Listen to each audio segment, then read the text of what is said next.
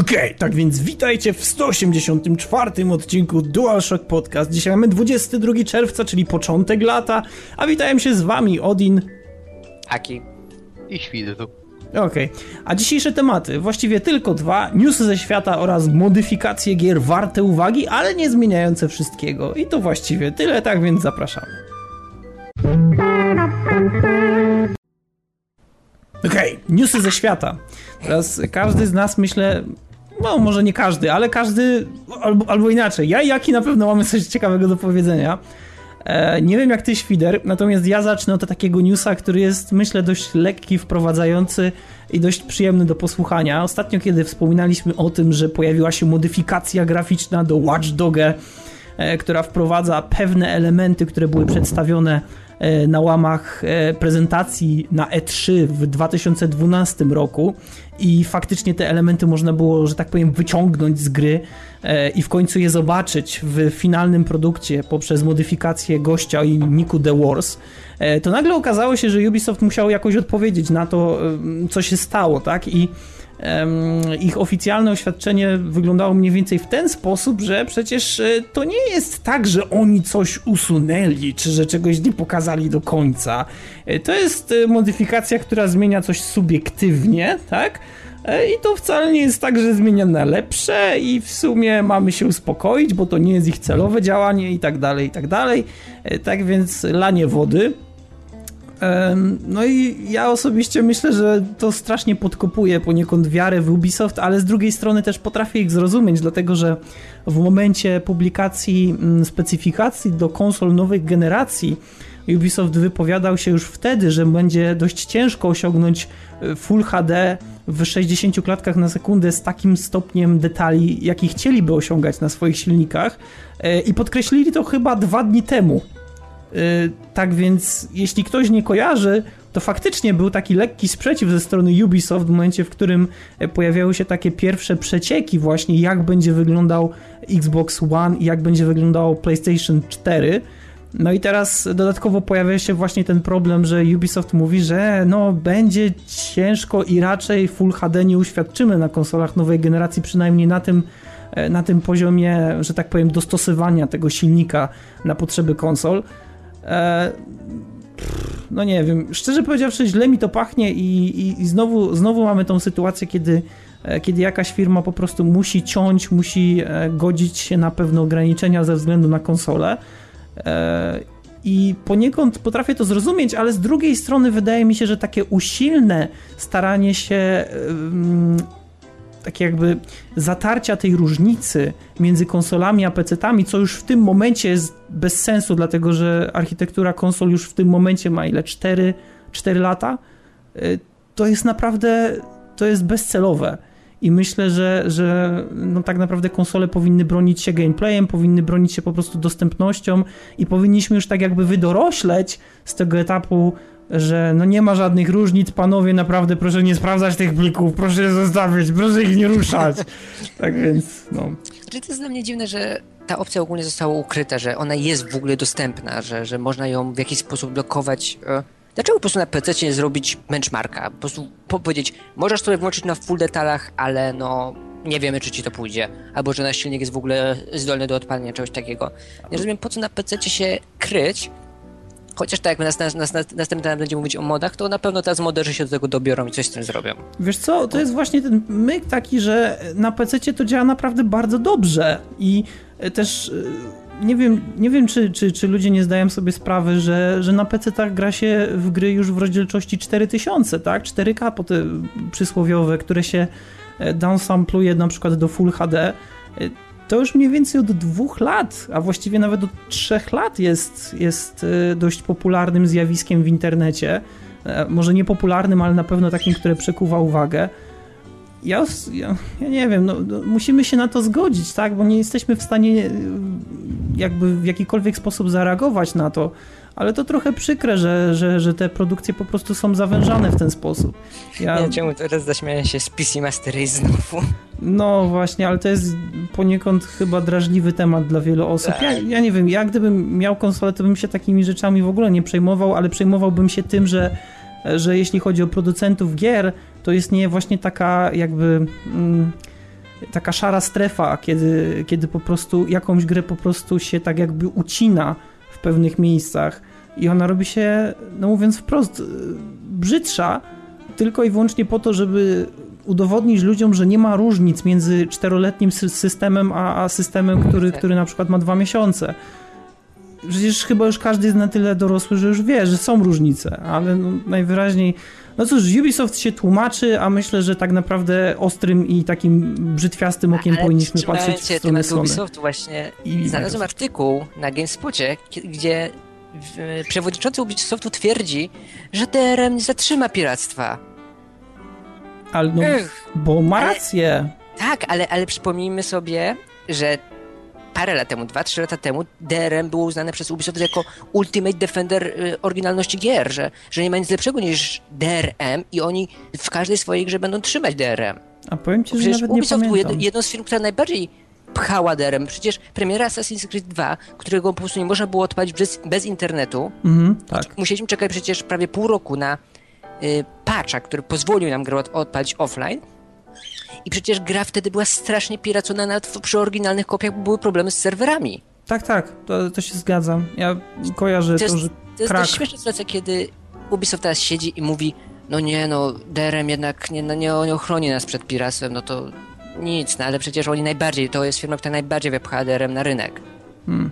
No, dobrze, że wiesz, dobrze, że się zreflektowali. To też jest dobra sytuacja, kiedy jakaś firma potrafi, e, no tak jakby zmienić. Przyznać trochę, się do błędu. No, może nie I przyznać się do błędu, ale zmienić swoje podejście w zależności od tego, jak właśnie reaguje na, na, na to klientela ich, nie? Bo przecież no, mhm. ludzie raczej nie byli zadowoleni z Assassin's Creed'a drugiego P.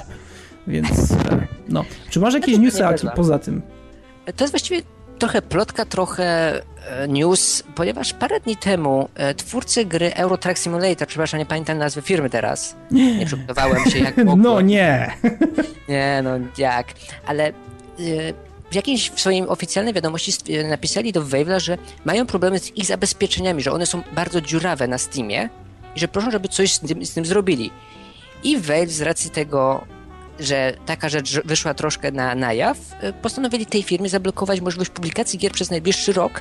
Od tego, co e, teraz czytam po plotkach cały czas, bo to jest plotka, troszkę, troszkę oficjalnie trochę plotka, ponieważ było to postowane na Twitterze.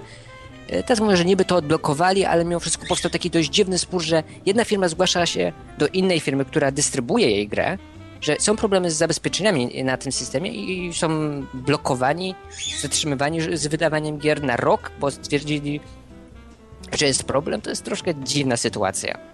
Ja szczerze powiedziawszy nic, nic nie wiem na ten temat, ale wiesz co, jeśli chodzi o Valve, to um, oni mają o tyle problem, że są bardzo dużą firmą i nie są w stanie y, prześwietlić każdego produktu, każdego producenta, każdego tytułu, który pojawia się u nich na platformie. Niby starają się to robić, ale w dużej mierze no, nie wychodzi im to tak, jak, y, ale jak nie, gdyby taki... To jest sytuacja, to nie było e, narzekanie na to zabezpieczenie ich produktu, czy e, wiesz, wysyłania danych typu, wiesz, e, do clouda czy tak dalej, to chodziło ogólne zabezpieczenia Steama.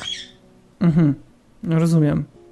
No ale to właśnie chodzi mi o to, że Aha, okej, okay, to, to w sumie mogłem palnąć coś w ogóle nie na temat, bo chciałem tutaj powiedzieć właśnie o, o Warzy, tak, o, o firmie, która, czyli no firmie, no o grze, która, która ma za sobą taką naprawdę niezbyt przyjemną historię, która dopiero po jakimś czasie została ze Steama usunięta, więc to chyba tylko podkreśla, że Steam nie jest w stanie spojrzeć e, dokładnie na każdy produkt, e, ale trochę dziwi mnie ta reakcja. Nie, nie wiem, nie, czy, czy to jest faktycznie prawda, to pewnie będziemy musieli się, e, że tak powiem, no nie wiem, no doczekać powiedzmy za dwa, trzy dni, żeby, żeby cokolwiek potwierdzić.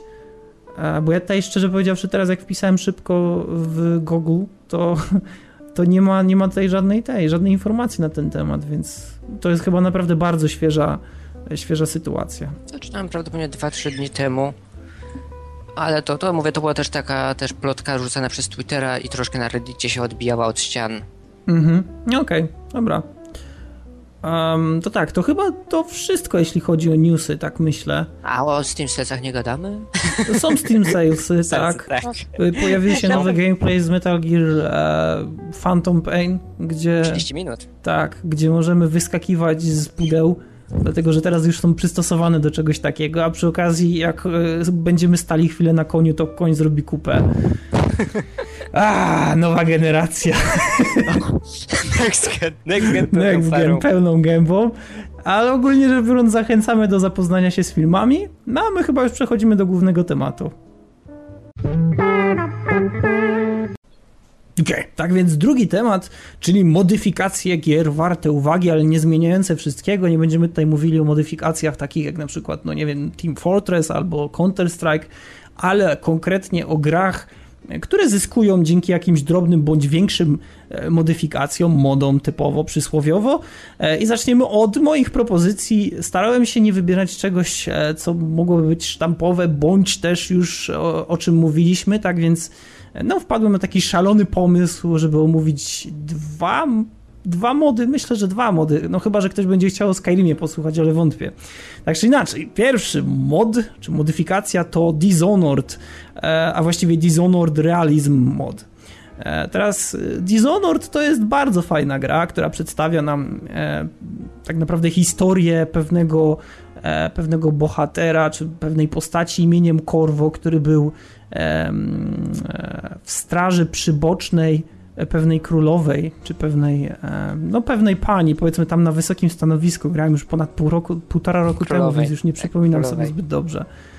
Ale e, to, co jest e, bardzo fajne w tej grze, to ogólnie sam świat, no i też e, styl gameplayowy, dlatego że w grze dość dużo się skradamy, w grze mamy specjalne moce, które możemy wykorzystywać, Ogólnie rzecz biorąc, jest to dość rozbudowany tytuł, który ma naprawdę bardzo fajny klimat i też daje nam bardzo dużo możliwości, niekoniecznie do samego przemieszczania, ale też i walki, bo możemy ją rozwiązywać bezpośrednio, po prostu wdając się w potyczki na szpady, no ale też możemy się skradać, możemy podrzynać ludziom gardła, możemy zastawiać pułapki i ogólnie rzecz biorąc czujemy się jak taki panther, czyli taki predator, taki po prostu niby, niby jastrząb, który z wysokich kompleksów, z dachów, z jakichś belek poluje po prostu na strażników, no i też wypełnia pomniejsze questy, które są całkiem fajne.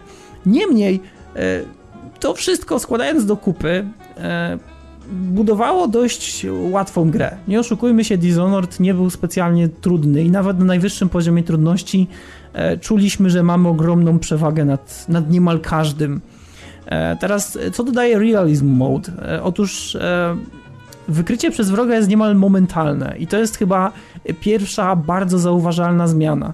Do tej pory w Dishonored było tak, że e, mieliśmy tak jakby taki wskaźnik, który sygnalizował nam, jak bardzo e, na przykład wrogi strażnik zdążył nas zauważyć. Na przykład, czy zobaczył tylko jakąś poświatę, czy taki, nie wiem, delikatny cień, czy na chwilę mu tylko mignęliśmy przed oczami i on nie do końca się zorientował o co chodzi. Więc e, były takie jakby trzy kreseczki, które w momencie, kiedy się zapełniły, E, to zapełniały się na czerwono i w momencie, w którym e, zapełniły się już do końca na czerwono, e, to on już zdawał sobie sprawę z tego, że, że się gdzieś tam znajdowaliśmy. Tak więc były takie dwa etapy, no i trzy kreski, które trzeba było napełnić, czyli na samym początku na biało, potem na czerwono. Teraz to jest tak, już jesteśmy zauważeni, tak więc różnica jest po prostu ogromna. Nie ma tego momentu buforowego, kiedy możemy uciec, a jeśli nawet jest, to trzeba się naprawdę bardzo nastarać, żeby spieprzyć. E, druga rzecz. W Dishonored mogliśmy się wychylać. I mogliśmy się wychylać mniej więcej tak, jakbyśmy e, no nie wiem, zawiesili naszą głowę na kiju i po prostu ją wysadzili gdzieś na przykład na lewo albo na prawo, do góry, w dół. Tak więc. Yy, to było trochę śmieszne w grze grania. Tak, to było tak, to było, to było coś takiego, że mogliśmy po prostu patrzeć bezpośrednio na gościa, on na nas, ale my się wychylaliśmy tylko tak, więc on nas nie widział. E, teraz to mniej więcej wygląda jak e, peryskop łodzi podwodnej. Czyli tylko taki mały fragmencik i dosłownie 10 bądź 15 stopni wychyłu maksymalnie, jest, tak więc... Jest dźwięk radaru? Nie, nie, ale dobre. E, nie, nie ma, nie ma dźwięku radaru, ale myślę, że gra by na tym zyskała. Ale tak czy inaczej, trzeba się naprawdę mocno napocić teraz, żeby coś dojrzeć wychylając się. To jest mniej więcej tak, jakbyś normalnie, normalnie się wychylał. Poza tym żeby zobaczyć coś więcej, to tak naprawdę musisz się jakoś ustawić odpowiednio, więc zawsze będziecie trochę widać. Więc e, no niemalże, niemalże w pięciu na siedem e, przypadkach to, to, to, to ktoś cię dostrzeże. E, teraz walka z przeciwnikami, bo to jest też bardzo duża zmiana. Ona jest trzy albo cztery razy trudniejsza. Przeciwnicy teraz już nie robią czegoś takiego, że to jest kulturalny pojedynek dżentelmenów, gdzie tylko jeden z nich atakuje, reszta się przygląda.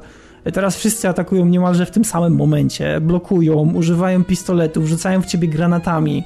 Um, no nie wiem, jeśli na przykład zdążysz ich jakoś tam ogłuszyć, czy, czy na przykład wykonać taki blok, który by ich wytrącił z równowagi, to niemal momentalnie wracają do tego, jak, jak, jak, jak wyglądali przed chwilą, czyli już są w swojej pozycji ustalonej, z góry ustalonej pozycji i tak dalej. Tak więc walka jest naprawdę trudna. E, I praktycznie każda z nich to jest walka niemalże z 10-15 strażnikami naraz. I mówię tutaj całkiem serio. Dlatego, że mm, oni wszyscy reagują na znacznie większe odległości, zarówno w kwestii dostrzegania e, korwo z, no, wzrokiem, tak, ale też wrażliwości na dźwięki. Więc jeśli na przykład zaczniemy sobie biegać albo chodzić, to niemal pewne jest, że ktoś w pokoju obok nas usłyszy i jeśli tylko nas zobaczy, to momentalnie zbiegnie się e, no po prostu chmara tych, tych, tych strażników i będzie naprawdę ciężko cokolwiek zrobić, z kimkolwiek wygrać. To jest wtedy naprawdę najlepiej jest uciec. A już nie mówię o tym, że kiedy e, doprowadzimy do momentu, w którym zostanie włączony alarm w jakichś placówkach, to to pozwala nam się poczuć, jakby całe miasto się na nas rzuciło. Bo, bo, bo wtedy, w tym momencie ludzi jest po prostu ogromnie dużo. I, i, I, to jest naprawdę problem. I, I, w chwilach, kiedy, kiedy na przykład mamy misję, e, kiedy musimy się przekraść wokół innych osób, które też korzystają z tej e, mocy, to chyba był nieznajomy, o ile dobrze kojarzę, ale, ale, proszę mnie tutaj nie cytować. Był taki właśnie osobnik, który dawał tą specjalną moc ludziom i on się jakoś tam nazywał. To kiedy musieliśmy się przekraść obok, o, przekraść obok tych osób, które używają też tej mocy, to to był tylko taki delikatny stopień trudności wyżej. Tak, tak naprawdę tak, tak, taki schodek. To teraz, teraz jest po prostu makabrycznie ciężko. I tych ludzi jest mnóstwo. I możesz się poczuć prawie tak, jakbyś faktycznie miał do czynienia z jakąś armią, z jakąś, z jakąś zorganizowaną jednostką, e, chociażby z jakąś grupą bandytów, czy coś takiego. Jest o wiele więcej przeciwników, jest o wiele więcej postaci w grze, E, przez to i ogólnie takie wrażenie, że gra jest bardziej pełna, e, co naprawdę działa na jej korzyść wyjątkowo i ja polecam z, z, ze szczerego serca, to jest lekka modyfikacja w jednym pliku, a w, a w grę się gra o wiele, o wiele przyjemniej, jest o wiele większy respekt do tego, co robimy i przejście jakiegoś poziomu daje naprawdę mnóstwo satysfakcji, naprawdę. Przekradanie się przy na przykład jakichś tam tych e, chorych na gloom, bo nie pamiętam dokładnie jak oni to tam nazywali, ale to chyba było gloom, czyli ta, ta jakaś taka choroba dziwaczna, która zmienia ludzi w pseudozombie. E, naprawdę przekradanie się obok takich osobników to jest czyste złoto. Ta, ta, ta gra powinna tak wyglądać na najwyższym poziomie trudności. Naprawdę sprawdźcie. Okej. Okay. Znaczy to, jest, to jest ciekawe, bo dla mnie Dishonored nigdy nie, był, nigdy nie był grą, do której potrzebowałem modów. Tak jak mówiłem wcześniej, jak rozmawialiśmy o Far Cry'u, to jest gra, którą po prostu raz przechodzę, masz świetną fabułę, świetne też odczucie, że masz jakieś tam znaczenia w tym świecie. Mhm. Poziom trudności może masz rację, był troszkę za, za łatwy. Ja osobiście sam sobie grę utrudniałem, na przykład miałem metodę, że nie zabiłem nikogo w czasie swojego pierwszego przejścia, nie zostałem ani razu zauważony, czyli choć raz mnie ktoś zauważył na, zauważył na tym kliknięciu, restart poziomu od nowa. To było takie moje wewnętrzne utrudnienie ale fakt, teraz jak to opisujesz, chyba czas powrócić do Dishonored. Ale to jest świetna gra, naprawdę i kiedy do niej wracasz, ona się w ogóle nie zestarzała i to jest w niej, to jest w niej cudowne, że ta grafika pozwala tej grze przetrwać naprawdę bardzo długo i dodatki do tej gry są fantastyczne, naprawdę. E, tak więc e, Trzeba, to sprawdzić. Ja też, jak przechodziłem pierwszy raz, to nikogo nie zabiłem się, nie dałem wykryć. Ale to w tej grze dawało frajdy, właśnie Mnóstwo frajdy, a teraz, a teraz daje po prostu jeszcze więcej. Serio. Tak, teraz to daje wyzwanie, myślę, że to, jest, to będzie, bo mm -hmm. I satysfakcję, prawdziwą satysfakcję z tego, że udało ci się coś pokonać, bo e, naprawdę różnica jest zauważalna już przy pierwszym poziomie i, i to jest i to jest naprawdę bardzo duży plus. Teraz druga gra, dru, drugi tytuł, który sobie wybrałem, czyli modyfikacje Complete do Stalkera. E, teraz uwaga, dlatego że tutaj będzie dość sporo informacji. Wszyscy wiemy, jak wygląda Stalker. Wszyscy wiemy, że Stalker był grą, która z góry była skazana na błędy, bugi i niedopracowania w momencie e, premiery. E, z biegiem czasu pojawiały się pewne tam zmiany, które wprowadzały jakieś tam większe usprawnienia tego, jak działa silnik gry, że gra na przykład nie wyrzuca, nie, za, nie załamuje się kompletnie, nie zawiesza, nie wiem, nie rzuca czarnym ekranem, że na przykład nasza postać nie wnika w podłogę i nie tonie, albo nie, nie wiem, nie ginie nagle przypadkowo e, i wiele innych bugfixów ale niemniej zawsze pozostawał ten niedosyt, dlatego że na prezentacjach każdy ze stalkerów wyglądał trochę inaczej niż w wersji finalnej. I tutaj pojawiają się modyfikacje, które akurat w scenie stalkerowej e, są małymi dziełami sztuki, jeśli o to chodzi, dlatego że zwykle tak jakby zawierają w sobie kilka innych modów, e, kilka innych modyfikacji, czasami przepisują całkowicie silnik shaderów, no nie wiem, no naprawdę wprowadzają możliwość obsługi większej adresacji, większej ilości pamięci, dzięki czemu można mieć ładniejsze tekstury w grze. Jest bardzo dużo poważnych modyfikacji i jedną z takich modyfikacji, którą tutaj wybrałem jest Stalker Complete. E, na przykładzie Zewu Prypeci. E, rzeczy, które można zauważyć już na pierwszy rzut oka.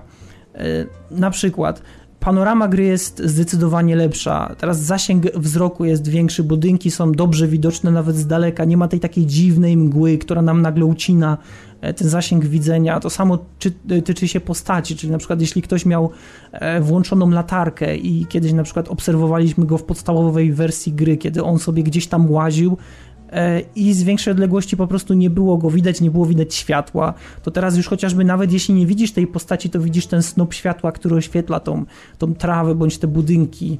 E, w dzień na przykład zdecydowanie łatwiej jest dostrzec ludzi w zależności od tego, jakie zbroje na sobie noszą. To są drobne modyfikacje, już na, na pierwszy rzut oka drobne modyfikacje, które pozwalają ci się wczuć w bycie stalkerem, a to jest naprawdę fajne że możemy naprawdę zacząć się skradać, zacząć obserwować ten świat. To nie jest takie hurra i przed siebie, tylko no, można już naprawdę się zastanowić, jak, jak to wygląda. Dodatkowo jeszcze przez to, że zmieni, zmienione zostały efekty oświetlenia, to wszystkie anomalie wyglądają trochę inaczej i na przykład w niektórych miejscach lepiej je widać, w innych gorzej, więc e, faktycznie w tym momencie śrubka zaczyna się przydawać i człowiek chodzi i zaczyna rzucać tą śrubkę przed siebie i przed siebie. Kolejna rzecz to są dynamiczne cykle pogody. Jest ich aż 11. Tak więc e, do tej pory w Stalkerze mieliśmy co? Dzień, noc e, i chyba trochę deszczu. Czasami jakaś burza była. No to tutaj mamy porę jesienną, kiedy tak naprawdę wszystko jest skąpane w takim złotym, złotawo-jesiennym oświetleniu. Mamy typowo zim, zimowe wieczory, kiedy naprawdę nie ma nic, jest tylko taki niebieskawy odcień na ekranie. Są słoneczne popołudnia, piękne wschody słońca, zachody słońca, które naprawdę pozwalają się na chwilę zatrzymać i przypatrzeć na ten horyzont. E, mamy 26 kompletnych i gotowych scenerii pogodowych, czyli na przykład za naciśnięciem klawisza, jeśli ktoś chce się bawić w debugowanie, można sobie uruchomić na przykład wichurę albo inne takie rzeczy. To są fajne, fajne, fajne naprawdę sytuacje, które pozwalają e, skryptowo na przykład e, wprowadzić Strieloka na przykład w, no nie wiem, chociażby odczekując 5 minut, zaraz po emisji, o czym zaraz będę mówił, zaraz po emisji z zony, e, na przykład burzę, i, która szaleje i jest naprawdę nie do okiełznania. Coś, czego na samym początku w tej grze nie dało się zrobić, bo pogoda nie była tak dynamiczna, pogoda była statyczna, ona się zmieniała dzień, popołudnie, podwieczór, wieczór i noc i potem od nowa i od nowa. E, pojawia się właśnie emisja I, I to jest coś, co jest e, znane już z, z zewu Prypeci. Niemniej tutaj ona wygląda zupełnie inaczej. E, ja kiedy pierwszy raz widziałem w zewie Prypeci emisję, to byłem w lekkim szoku, bo, bo wygląda to wspaniale. To jest, to wygląda jak wybuch bomby nuklearnej. Na niebie nagle pojawia się po prostu taka smuga dymu, czerwonawo-złotawo-żółta, która gdzieś tam na swoich krawędziach posiada jakieś takie dziwne, jarzące się białe granice, które powoli się do nas zbliżają. I w momencie, w którym ten dym zaczyna się do nas zbliżać, to widzimy, że to jest jakaś fala taka, taka nie wiem, tak jakby takiego czerwonego ciepła, które zaczyna ogarniać wszystko i zaczyna miotać liściami na lewo i na prawo i wszystkie krzewy i drzewa zaczynają się rzucać i ludzie zaczynają spieprzać, bo to też jest fajne, że stalkerzy zaczynają... się do ucieczki? Tak, zaczynają reagować, w ogóle zaczynają uciekać, chować się gdzie tylko się da i zwierzęta również, to, to też jest w ogóle świetną sytuacją, że, że teraz też zwierzyna reaguje na coś takiego. Więc jeśli na przykład strzelamy się z jakimś, nie wiem, e, z jakąś pijawką chociażby, to pijawki na przykład potrafią się odwrócić i zacząć uciekać. E, I też, co jest fajne, jeśli się nam nie uda uciec, to znaczy może jeszcze zanim, zanim powiem, co się dzieje, jeśli nam się nie uda uciec, to e, słychać ogólnie syreny alarmowe, które zaczynają e, nawoływać, czy właściwie ostrzegać wszystkich tych, którzy mogliby nie słyszeć, e, że, że zbliża się emisja, czyli jak na przykład jesteś w jakimś pomieszczeniu, które jest niezamkniętą lokacją, ale nie widzisz nieba, nie widzisz tego, co się dzieje wokół ciebie, nagle słyszysz takie mm, i wiesz, zdajesz sobie sprawę, o cholera, trzeba się spojrzeć, trzeba się rozejrzeć na mapie, zobaczyć, gdzie mogę uciec w tym momencie, gdzie jest jakieś naprawdę zamknięte, bezpieczne, e, bezpieczne schronienie, które ochroni mnie przed radiacją. No i mamy też e, głębie, głębie jeśli ostrości, deep of field tak zwane, czyli e, kiedy patrzymy na jakiś element, na przykład nasz, na nasz karabin, kiedy zakładamy jakieś modyfikacje, to wszystko w tle zaczyna się delikatnie rozmywać. To nie jest przesadzony efekt, ja go nie zauważyłem, kiedy grałem, a teraz, kiedy e, przed nagraniem sobie spojrzałem na filmy właśnie z Zewu Prypeci, to widzę, że faktycznie on tam jest. Jest tak fajnie wkomponowany, że po prostu go nie widać. Tak więc e, to są, to są rzeczy, które naprawdę mi imponują. Dodatkowo mamy jeszcze zmiany w grafice. To są zupełnie nowe tekstury broni, materiałów, budynków, postaci, tych maszkar, pijawek, dzików, no wszystkiego, dosłownie i przez to świat wydaje się zdecydowanie brudniejszy, bardziej realistyczny. Kiedy patrzymy na teren z daleka, to on nie wygląda jak takie łaty, które są posklejane obok siebie, tylko jest taki specjalny filtr na to nałożony, że ta ziemia wygląda no wygląda jak ziemia z daleka. Nie jest, nie jest aż taka regularna, nie znajdujemy tej, tego takiego wzorca, który się powtarza co chwilę. Tak więc to jest ogromny plus. Dodatkowo jeszcze e, sama geometria terenu, budynków, postaci, jest usprawniona. Na przykład budynki, tak jak patrzymy na nie pod kątem albo prosto, to wydają się faktycznie, że mają tą fakturę cegły, a dzięki tym usprawnionym shaderom twarze postaci są normalniejsze, nie wyglądają jak z Deus Exa.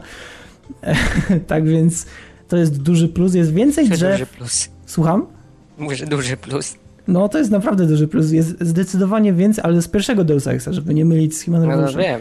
E, jest więcej drzew, jest więcej krzewów, traw bardzo wysokich, E, oświetlenie dynamiczne jest praktycznie na każdym źródle światła. Tak więc na przykład jeśli strzelamy z broni, to te, te, to światło jest też dynamiczne. Ono oświetla, oświetla te trawy, na przykład jakiś głaz, inne postacie, e, latarki, e, ogniska na przykład. To wszystko jest dynamicznym oświetleniem, co mnie naprawdę bardzo cieszy, bo fajnie się na tego Stalkera patrzy teraz. I AI, bo to jest chyba bardzo istotne. E, te zmiany, te zmiany naprawdę one tak naprawdę tworzą zupełnie nową grę. AI w tym momencie mm, kieruje NPC-tami w ten sposób, że oni sobie wybierają broń niezależnie od sytuacji. Do tej pory było tak, że zawsze łazili z jedną i nawet jak mieli w ekwipunku pistolet, to nie wiem kiedy go wyciągali, chyba kiedy im brakło amunicji e, w normalnym karabinie. A tutaj na przykład czasami zdecydują się zmienić broń.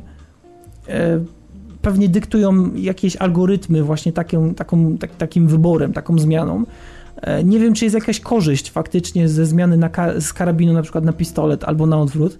E, no, w ale... pomieszczeniach walka na pewno będzie o wiele prostsza z broni krótkiej, z racji tego, że masz większą ja możliwość wiem, czy... operowania ręką. tak, tylko nie wiem, czy w Stalkerze w ogóle jest, jest taki algorytm, w ogóle jest coś takiego zaprogramowane, że jest jakiś zysk, wiesz?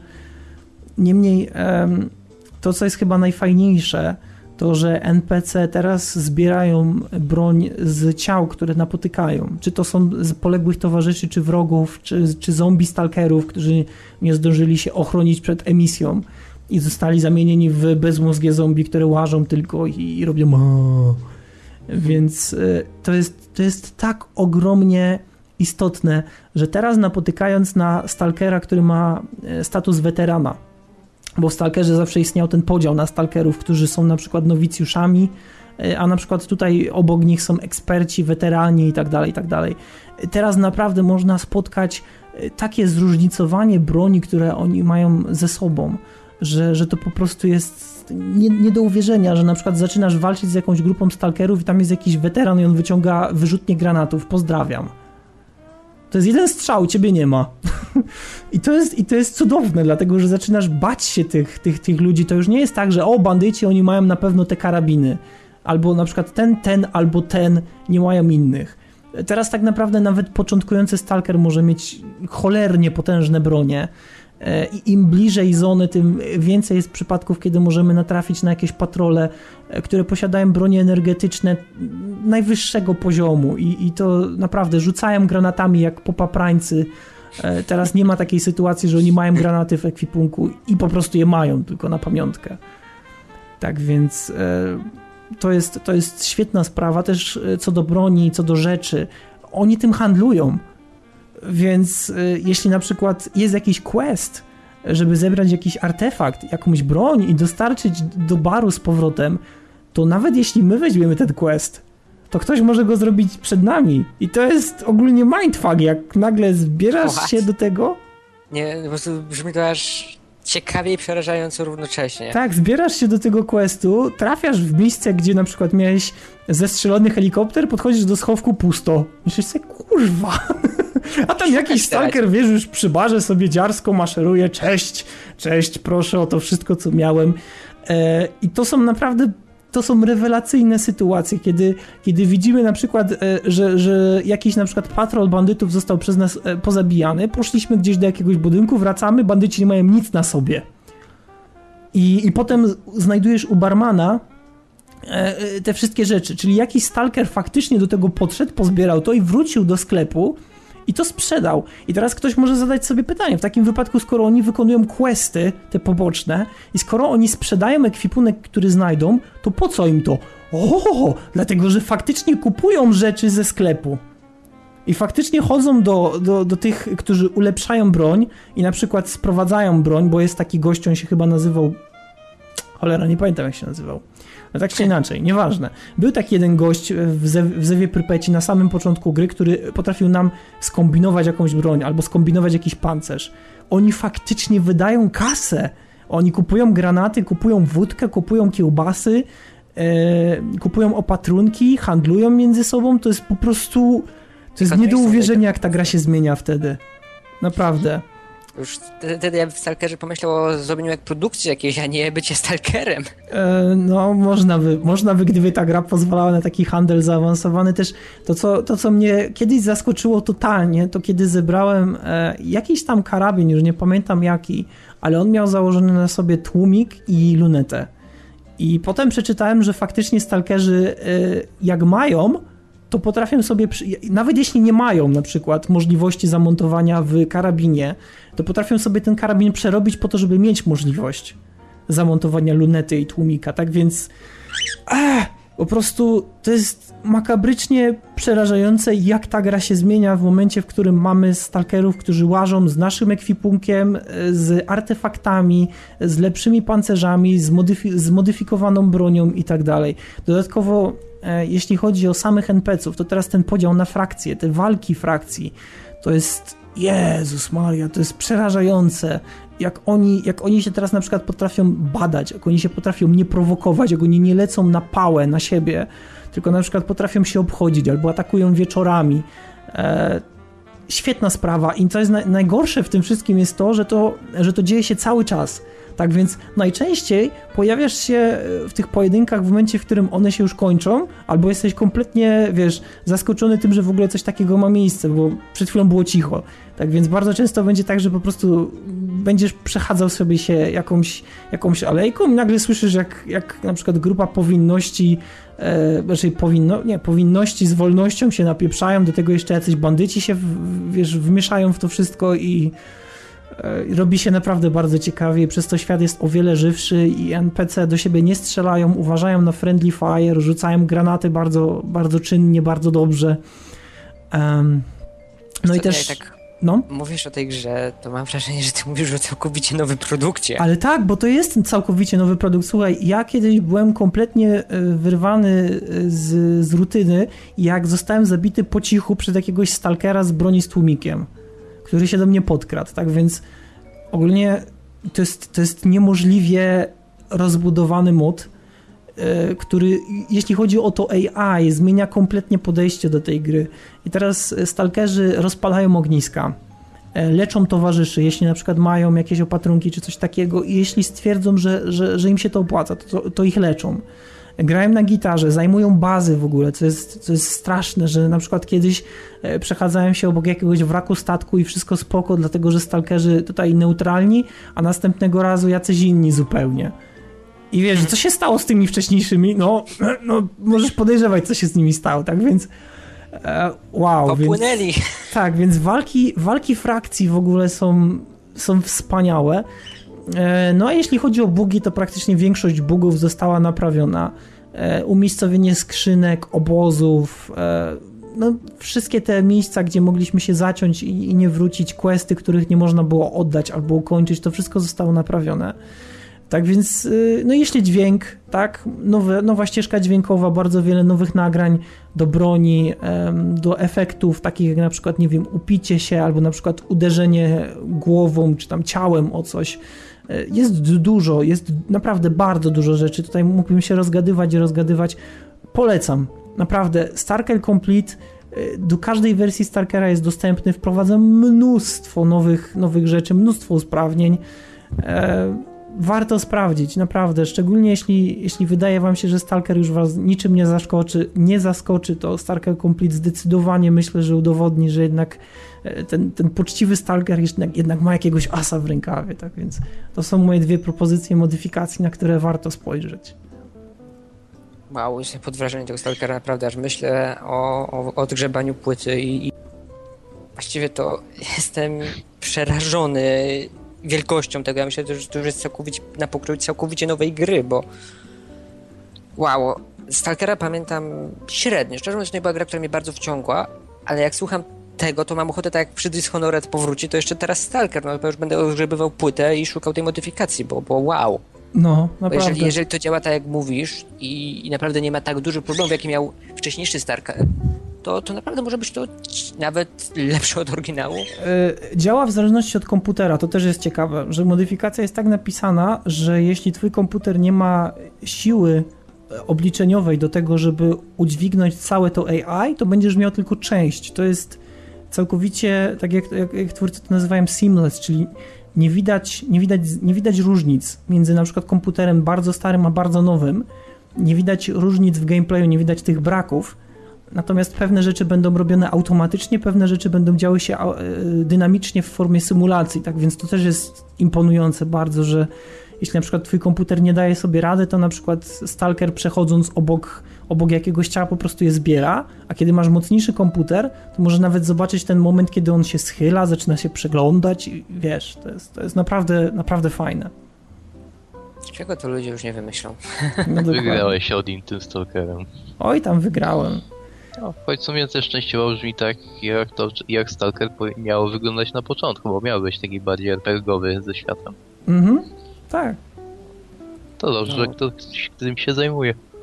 Okej, okay, to teraz y, kto chce kontynuować temat modyfikacji? No myślę, że, że może ja wezmę, z racji, że moja lista jest bardzo dzika i pewnie będę skakał tu od tytułu do tytułu. Zacznę od tego, że modyfikacje dla mnie gier to jest w ogóle czarna magia PC-ów. To jest właściwie nawet nie czarna magia, to jest biała magia PC-ów. To jest ich, to jest ich magia właśnie, że dzisiaj gra, wycho która wychodzi jest, jeżeli nie ma modyfikacji, jest troszkę inaczej postrzegana przez większość graczy. Jeżeli to nie jest jakaś taka typowo gra, nazwijmy to single player, albo, znaczy właściwie typowo gra single player, ale jest powiedzmy bardzo liniowa, to, to jeszcze tutaj ludzie przeżyją brak modyfikacji, ale powiedzmy, kiedy mam na przykład takiego jakby Skyrim wyszedł bez modów, to byłby po prostu zwykłą, nudną, nudnym RPG. Mody, powiedzmy, ratują grę, bardzo je ratują i na przestrzeni mojego grania w gry ja, ja często modyfikowałem, nawet sam modyfikowałem gry. Ale jest parę modyfikacji i dużych modów, o których chcę wspomnieć, a zacznę od Jagged Alliance 2 i modyfikacji 1.13. O niej wie na pewno o czym mówię. Więc Jagged Alliance 2 to jest gra, która wyszła, jak dobrze pamiętam, w 2001-2002 roku była zrobiona na silniku Fallouta i to była taktyczna gra, gdzie jako taki jeden dowódca, Herr General, tak nazwijmy, hmm. Y, zatrudniam grupę najemników, żeby ocalić na, na czyjeś zlecenie, ocalić pewne państwo od złej królowej, jak to nazwijmy. I gra w, w, w, pierwszych wersjach tych takich wydanych przez kanadyjskie studio Software albo BioWare, nie pamiętam teraz jak oni się nazywali, jak zwykle nieprzygotowane jaki. E, ta gra była w początku bardzo prosta w swojej e, w konstrukcji, chociaż pokazała, co można zrobić na silniku Fallouta, Fallouta drugiego. To było naprawdę niesamowite, co oni na tym silniku osiągnęli w Jagged Alliance. Jak gra była rozbudowana, jak gra potrafiła liczyć, jak daleko dany pocisk może polecieć, jakąś, z jaką siłą on leci i tak dalej. To wszystko było obliczane w czasie naszych tur. Mm -hmm. Jednak gra dużo miała takich problemów natury normalnej, natury, która po prostu wtedy nie była możliwa do zrobienia, zakodowania. To znaczy, na przykład nasza widoczność, widoczność naszych postaci była na 360 stopni dookoła siebie, czyli za sobą widzieliśmy. Nasze postacie widziały za sobą.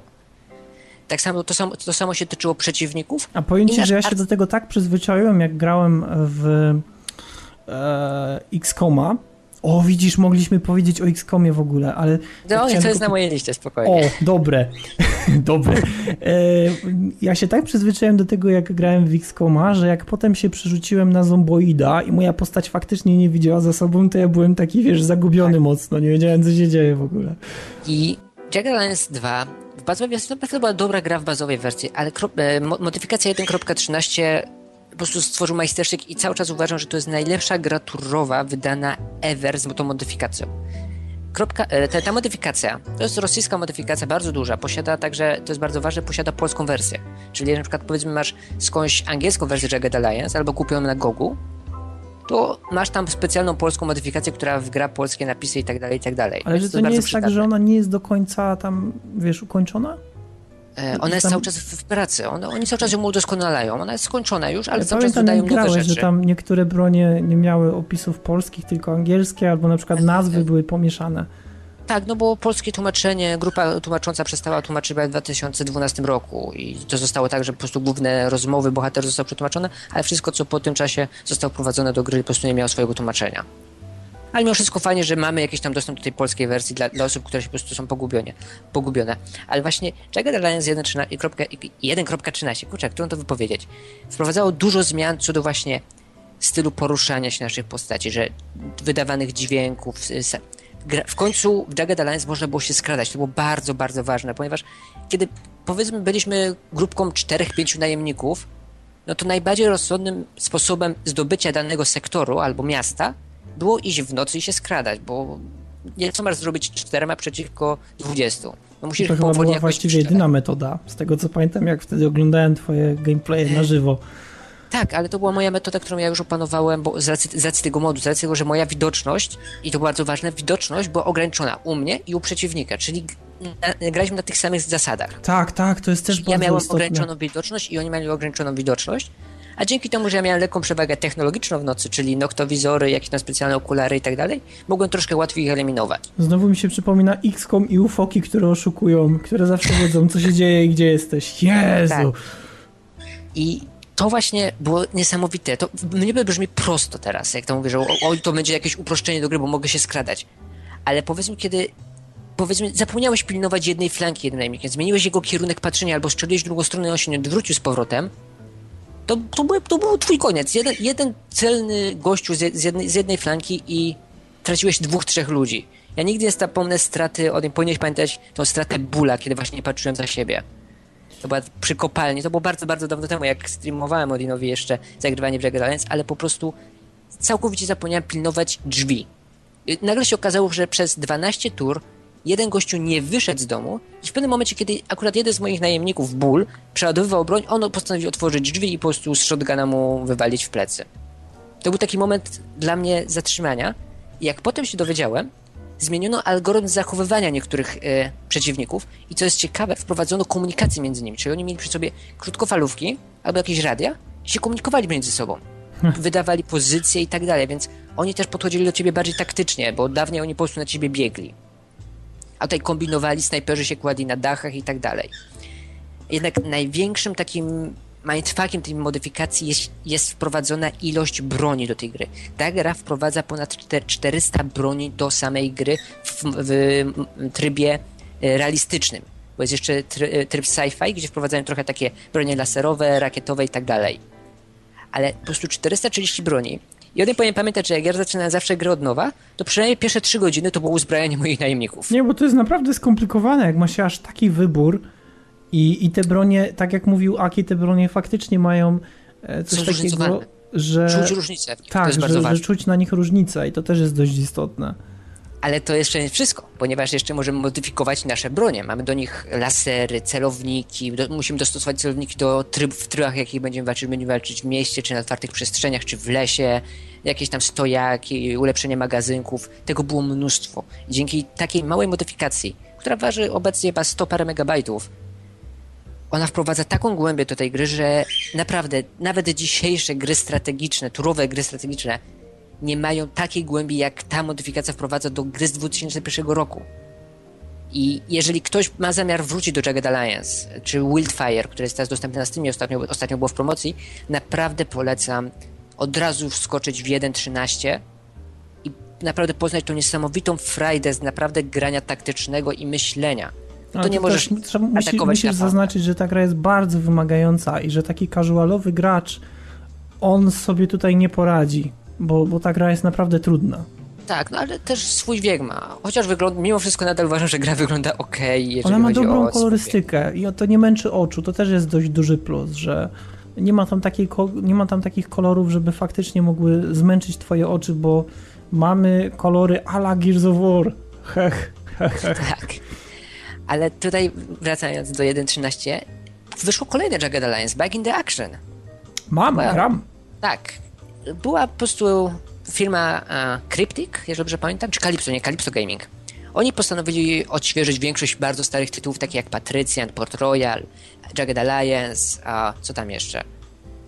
O, Air, Airlines, Airlines Tickon Evolution, wszystkie takie bardzo stare, fajne gry strategiczne, turowe czy ekonomiczne, postanowili je odświeżyć. Jednak odświeżanie gier nie zawsze dobrze działa i Jagged Alliance Back in Action było tym dowodem, że jednak nie wolno odświeżać niektórych gier, albo trzeba zrobić to z sensem, ponieważ bazowy Jagged Alliance, jakie wyszło, no zostało też spaczowane trochę przez samą firmę, Action, przepraszam, miało coś takiego, co e, bardzo drażniło mnie, aż doprowadzało do szału, czyli nie było fog of war. Ja widziałem, gdzie jest każdy mój przeciwnik, wiedziałem, jak on się zachowuje, wiedziałem nawet, w jest uzbrojony.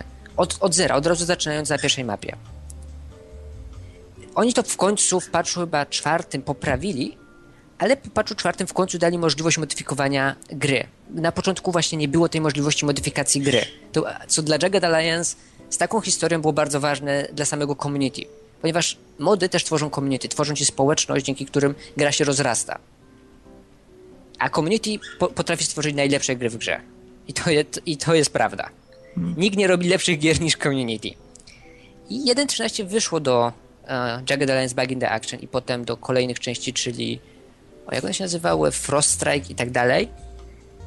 E, to była dobra modyfikacja. To nie było, nie było coś. Nie, nie udało się jej kontynuować tego klimatu 1.13, który wyszedł do Jagged Alliance 2, ale mimo wszystko uratowała grę. Znowu wprowadzono powyżej 200 broni do gry, zmieniono system działania broni, ich balistykę i mnóstwo sposób przebijania, bo wiem, że jest tam broń, dzięki której możesz po prostu jeden shotgun, dzięki któremu możesz stanąć, stanąć przy ścianie, jak gościu stoi po drugiej stronie, to strzelasz przez tą ścianę i wiesz, że gościu już nie żyje.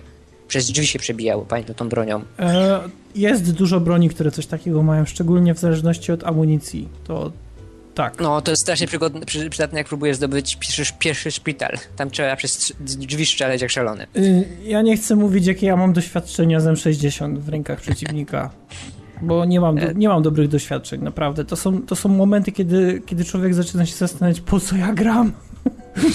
tak.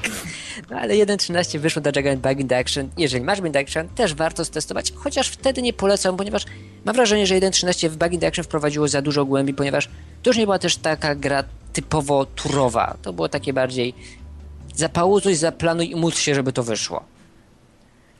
Tak, tak dla mnie wyglądało Bug in, Nie Bug, grałem na, Action. na, na modyfikacji Back in the Action, więc wiesz. Grałeś? A, tak, bo ja, ja tylko się tym bawiłem wtedy, jak gadaliśmy. Mi wystarczyła, mi wystarczyła podstawka, żeby, żeby nie wiedzieć, co, No tak, co tak, się... rozumiem. Zresztą nie skończyłem tej gry. E, Już nie No, pamiętam dokładnie z jakiego powodu, ale Na pewno utknąłeś w jakimś jednym dużym mieście, gdzie walczyłeś sześciu przeciwko sie- A nie, 70. nie, nie, wiem dlaczego nie skończyłem. Dlatego, że zawsze był ten jeden, jeden taki moment, że jak już podbijałem bardzo dużo miast, to zawsze kiedy udawałem się w jakieś inne miejsce i chciałem je zaatakować, to zawsze istniał patrol przeciwnika, który akurat zmierzał do miasta, które przed chwilą odbijałem. I to Tak, mnie zaczynało wkurzać, że muszę rozdzielić swoją ekipę, czego bardzo nie lubię robić, muszę się przyznać do tego.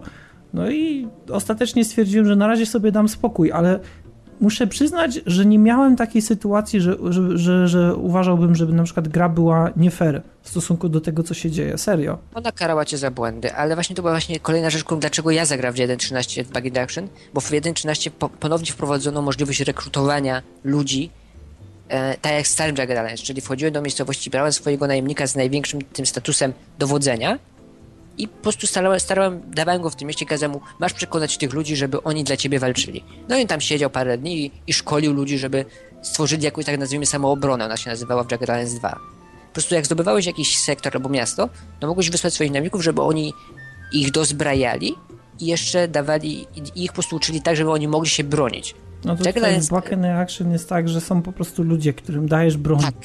I ich mogłeś tylko tam zwiększać im poziomy, ale to, to dużo nie wprowadzało, ponieważ jak już e, w pewnym etapie gry z- były wysyłane jednostki elitarne, one niszczyły wszystko na swojej drodze. No, no... Ale z jednej gry taktycznej przejdziemy teraz do drugiej, czyli XCOM, z Yeah. którego XCOM, wydany ten najnowszy Enemy Unknown i e, Enemy Within, to są gry, które nienawidzę i kocham zarazem. Pierwszy XCOM, Enemy, Enemy Unknown, którego najwięcej grałem, bazowo był dla mnie grą tragiczną, jeżeli chodzi o strategię. Jako, jakokolwiek myślenie taktyczne w tej grze było wyłączone, bo przeciwnik i tak zawsze oszukiwał. Tutaj było wiele rzeczy, które mnie bolały, takie, na przykład coś takiego jak Encounter Mod, czyli w momencie, kiedy wykryję przeciwnika, kiedy go widzę, to on też mnie widzi i ma dodatkową turę i nie powiem ile razy przez to musiałem, straciłem całe składy, bo ostatnim najemnikiem, raczej naszym żołnierzem, odkryłem jakiś oddział przeciwnika, który sobie skoczył między nas, a potem dostał turę, bo zagrałem ostatnim osobnikiem w moim składzie, co nie? Nie, ja, ja pamiętam, najbardziej mnie wkurzały e, terror missions, czyli... A, zresztą O, tak, nie też chcę o bardzo mówić. ciężkie. To są, to są naprawdę misje, które nie dość, że każą ci biec przed siebie, żeby zdążyć, to przy okazji jeszcze naprawdę bardzo często jest tak, że, że nawet jak, jak się starasz, to, to, to często nie, nie, nie idzie uratować tych ludzi e, i Ale Terror Missions były zaprojektowane tak, żeby właśnie karać gracza, nie dawać mu frajdy, co było troszkę e, drażniące, ale też miało swoje podstawy gameplayowe. Ale XCOM po prostu cierpiał właśnie dla mnie najbardziej z powodu tego, że w wojnie, w której ja jestem pokonywany przez technologię, przeciw, technologię przeciwnika, oni po prostu byli lepsi ode mnie, oni byli nad ludźmi, nazwijmy to. Mieli lasery, mieli tam te różne te umiejętności. Ja uważałem, że w takiej wojnie wtedy będziesz walczył na wojnę z zaskoczenia, czyli będziesz widział przeciwnika i będziesz się na niego czaił, czekał na jego błąd. A XCOM zmuszał cię do walki takiej bardzo... Nie to, że byłeś słabszy technologicznie przez pewien etap czasu, oczywiście, to gra zmuszała cię do takiej walki pod naparciem przeciwnika, kiedy on miał po prostu przewagę wszystkiego.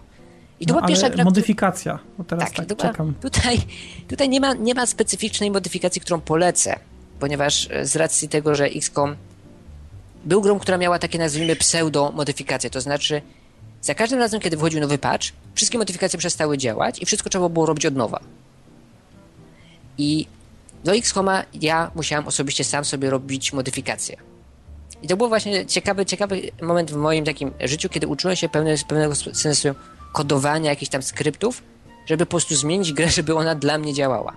Oczywiście potem już po pewnym czasie powstały coś takie strony jak XCOM Nexus czy e, XCOM Mods. To były takie największe strony, gdzie możemy, możemy znaleźć mody. I dzięki tym stronom w końcu można było poszukać mnóstwo modów. I do, do XCOMa warto tam wejść. Jeżeli grasz w XCOMa, warto tam wejść i po prostu poszukać mody, które oczywiście sprawdzić, oczywiście, czy będą u ciebie działać. Ale to jest coś właśnie, co mnie tak tutaj, to nie jest tak, no nie ma tutaj specyficznego modu, przepraszam, że taki trochę wprowadzę grę, którą bez modu, ale to jest właśnie takie pokazanie, że są gry, które po prostu potrzebują modów, ale twórca ich nie wspiera. Tak, tak, tak. I w XCOM ma straszny problem, bo ludzie kochają tę grę. Ja tę grę uwielbiam, bo lubię spędzać w niej czas i uwielbiam to, jak ona cię każe za, swoje błędy, a moje papugi muszą przes- przeszkadzać. E, ale bo, po prostu w ostatnim patchu, prawdopodobnie do e, Enemy Within, całkowicie wyłączono wsparcie modów.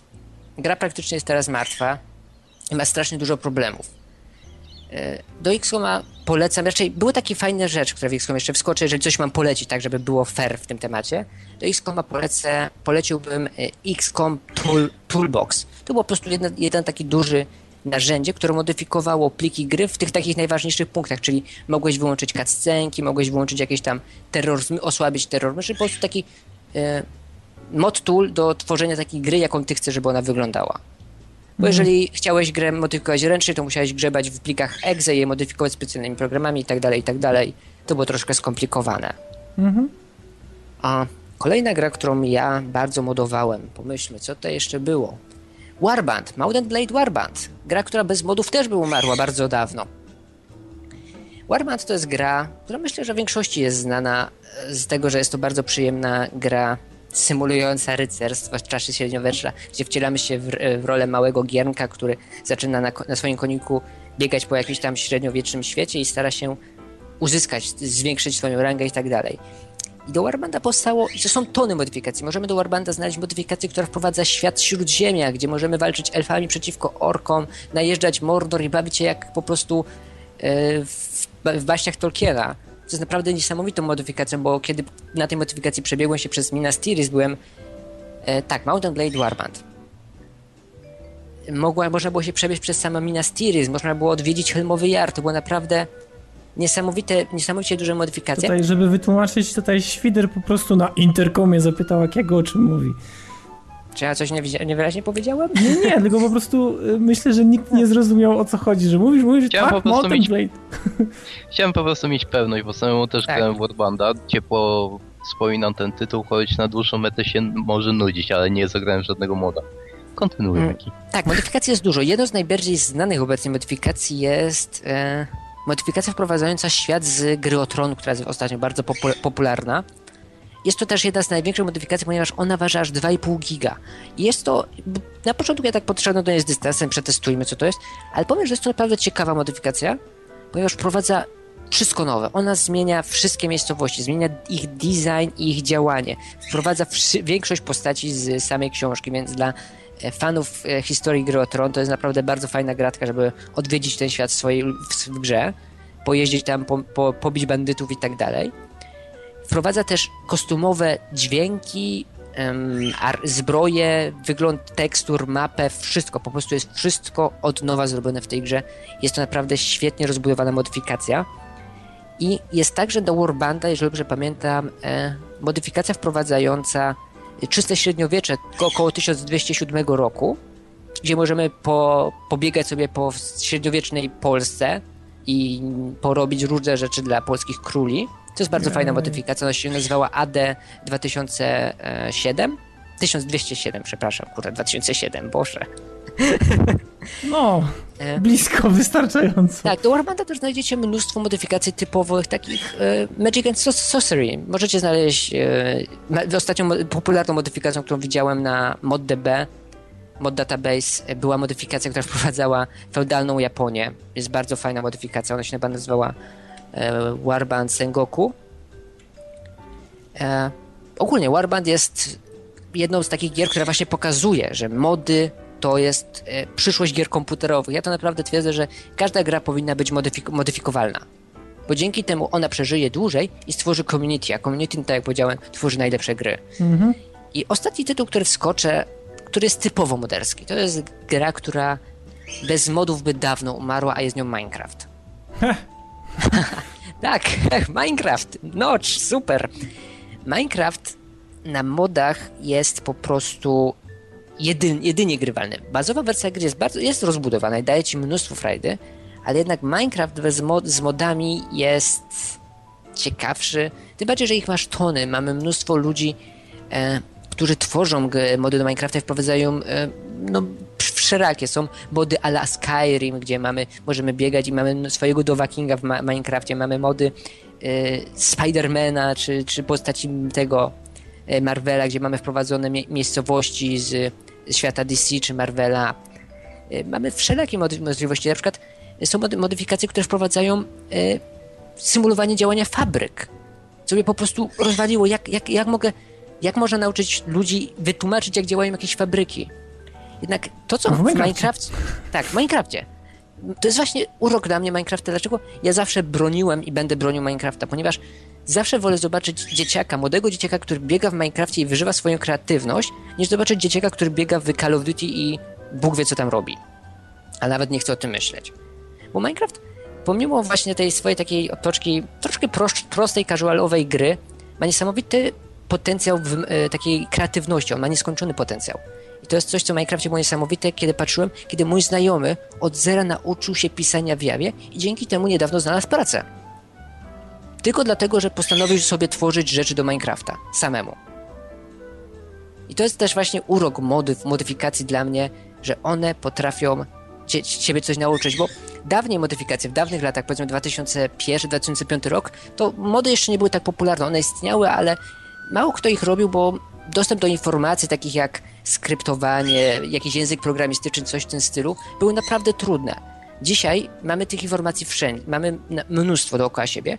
Nie jest tak trudno się do tego wciągnąć i dzięki temu powstaje też dużo, powstaje dużo modyfikacji. Niektóre oczywiście dużo nie znaczy lepiej zawsze, bo no, tak. Skyrim, Skyrim jest tym dowodem, że jednak jak jest za dużo modyfikacji, ludzie idą za głęboko i ucieka się od czegoś, co jest ważne w modyfikacji, czyli ona się trzymała klimatu danej gry. Chyba, że zmieniasz e, jakby e, timeline gry. E, I to jest fajne, że modyfikacje moim zdaniem uczą, potrafią nauczyć ludzi jakichś fajnych rzeczy, skryptowania, programowania, czy nawet no, tworzenia po prostu czegoś, tworzenia czegoś, bo to jest chyba fajne, kiedy można coś stworzyć. Ja jestem maniakiem, który uwielbia tworzyć rzeczy i kiedy się, kiedyś sam tworzyłem modyfikację, jeżeli dobrze pamiętam, do gry, jak ona się nazywała. Sam modyfikowałem, pamiętam, że sam modyfikowałem pliki Red Alerta 2 i sam modyfikowałem pliki, e, sam modyfikowałem pliki do Football Managera 2004, 2004 kiedy tworzyłem aktualne bazy danych zawodników. E, więc modowanie Aki approve i niech każda gra na PC ma mo możliwość modowania, a nawet na, na konsolach, tak jak miało chyba Diablo. Chociaż tam można było trochę cheatować. Więc chyba myślę, że, że to tyle ode mnie. Mam, troszkę się nagadałem. No, ale myślę, że przy, przy, przespacerowałeś się po dość sporej ilości gier, co, co jest całkiem fajne. Okay. No i papugi, przepraszam za nie. Nie, spoko, spoko. No to w tym momencie, w takim wypadku pozostaje nam ostatni zawodnik. Tu... No to teraz zatem moja kolej. Ja przede wszystkim, podobnie jak Odin, chcę przedstawić dwa mody. Dwa mody, które zagrywałem, w jednego wciąż grywam. Zacznę może od pierwszego moda do gry, której niedawno już stuknęło 15 lat. Mowa to o Heroes of Might and Magic 3. Myślę, że tytuł ten jest wam wszystkim znany. Jeśli nie znacie, naprawcie ten błąd. Tak, zdecydowanie tak. I co, jest, co możemy powiedzieć? Przede wszystkim, o dziwo, Heroes 3 jest był jedną z trudniejszych, jak ja przeczytałem, gier do modyfikowania, jakie są na tym padole bo kod jest niezwykle sztywny, ciężko mi to określić. Generalnie, jak niedawno przeczytałem jedną z najlepszych metod, na jakie ludzie niedawno wpadli, w związku z modyfikacją Heroesów trzecich, to napisać kod kompletnie od nowa. Tak, tak, tak. Widziałem to i chyba nawet została już stworzona gra. Właśnie. Przez dłuższy czas jedynym takim większym modem, który był znany, był In the Wake of Gods. I to właśnie na bazie tego moda ludzie tworzyli swoje mody. Podmieniali zamki, i inne takie, to że właśnie słowo klucz, podmienianie. Nigdy, czy nigdy nie udało się wcześniej żadnemu modowi dodać nowego zamku. Jeżeli była taka potrzeba, to niestety udało się tylko jedynie zamienić zamek. I zazwyczaj ofiarą padała cytadela. Tymczasem pewnego dnia roku pańskiego 2008 albo 2009, tak dokładnie to nie pamiętam, pojawiła się garstka Rosjan, którzy zapowiedzieli moda Horn of the Abyss, który o dziwo miał całkiem wiele propozycji zmian, między innymi właśnie dodanie miast.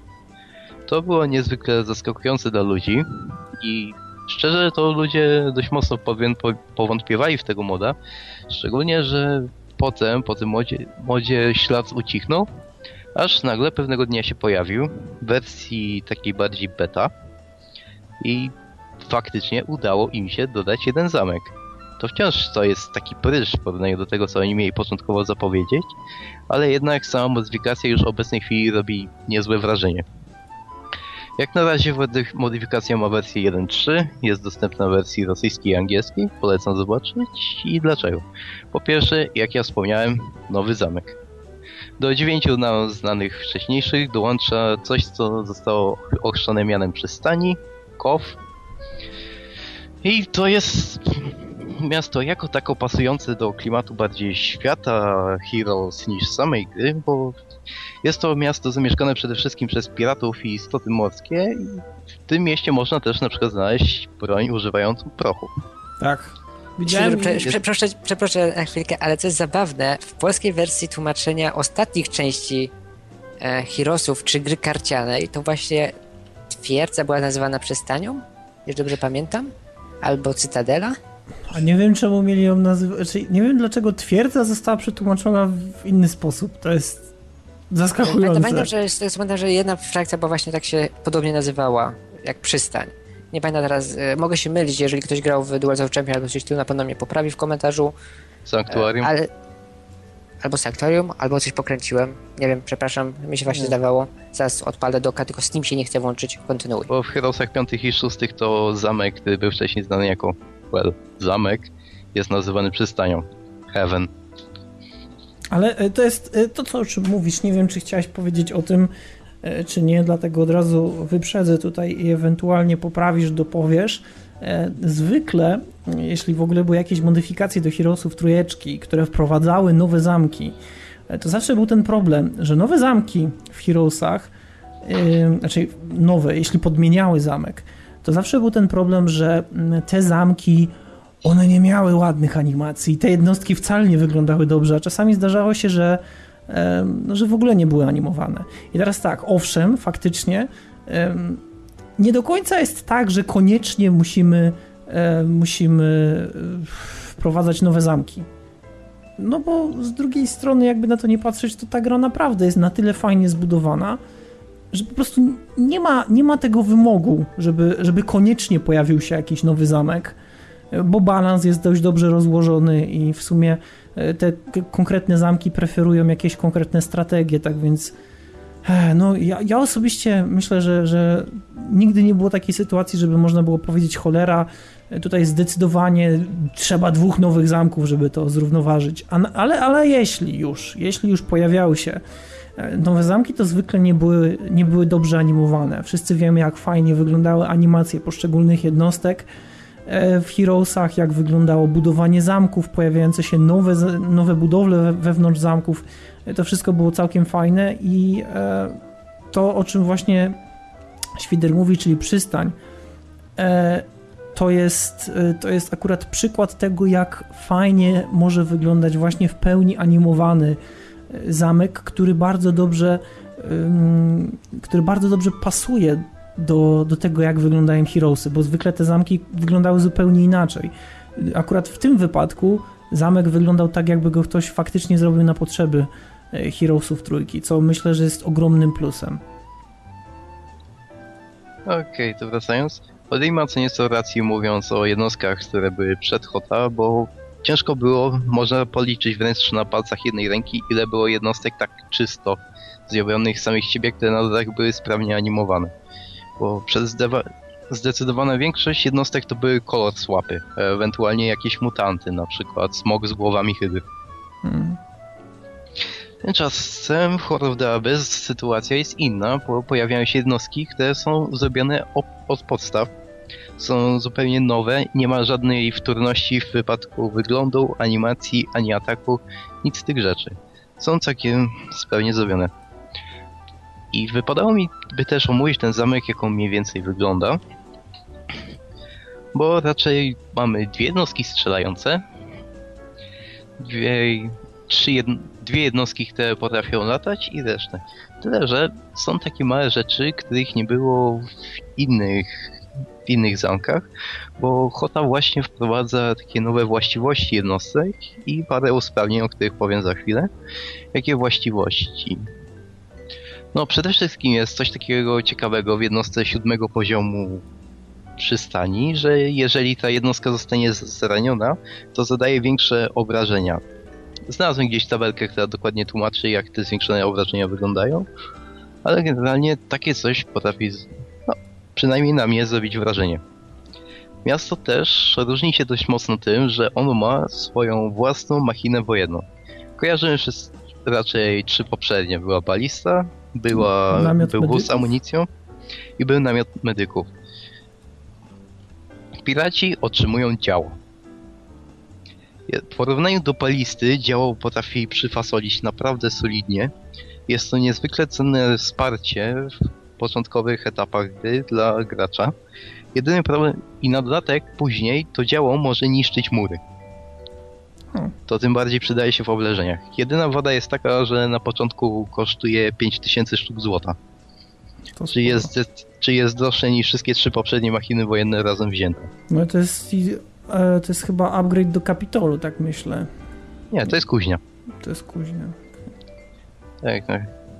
Samo miasto posiada też gildię magów do czwartego poziomu bodaj? Tak, czwarty poziom. Ten, jednostkami, budynkami specyficznymi dla tego zamku jest jeden budynek, który sprawia naszą gildię złodziei, czyli zatem już z dwóch miast jesteśmy w stanie wyciągnąć wię- większość informacji z karczmy na temat pozostałych graczy. A drugi budynek jest trochę dziwny, ponieważ pozwala nam wymieniać jednostki za doświadczenie. Mhm, mhm. Co, trochę dziwne to dla mnie brzmi, ale Ale ja już to kiedyś gdzieś, gdzieś spotkałem w Heroesach trójce. mogłeś wymieniać za złoto. To było w przypadku twierdzy. Ach, za złoto, okej. Co jeszcze? Jak mówiłem, co nieco takich szmerów bajerów. Jest na przykład jeden bohater w wypadku Zatoki, którego specjalną zdolnością jest klonowanie.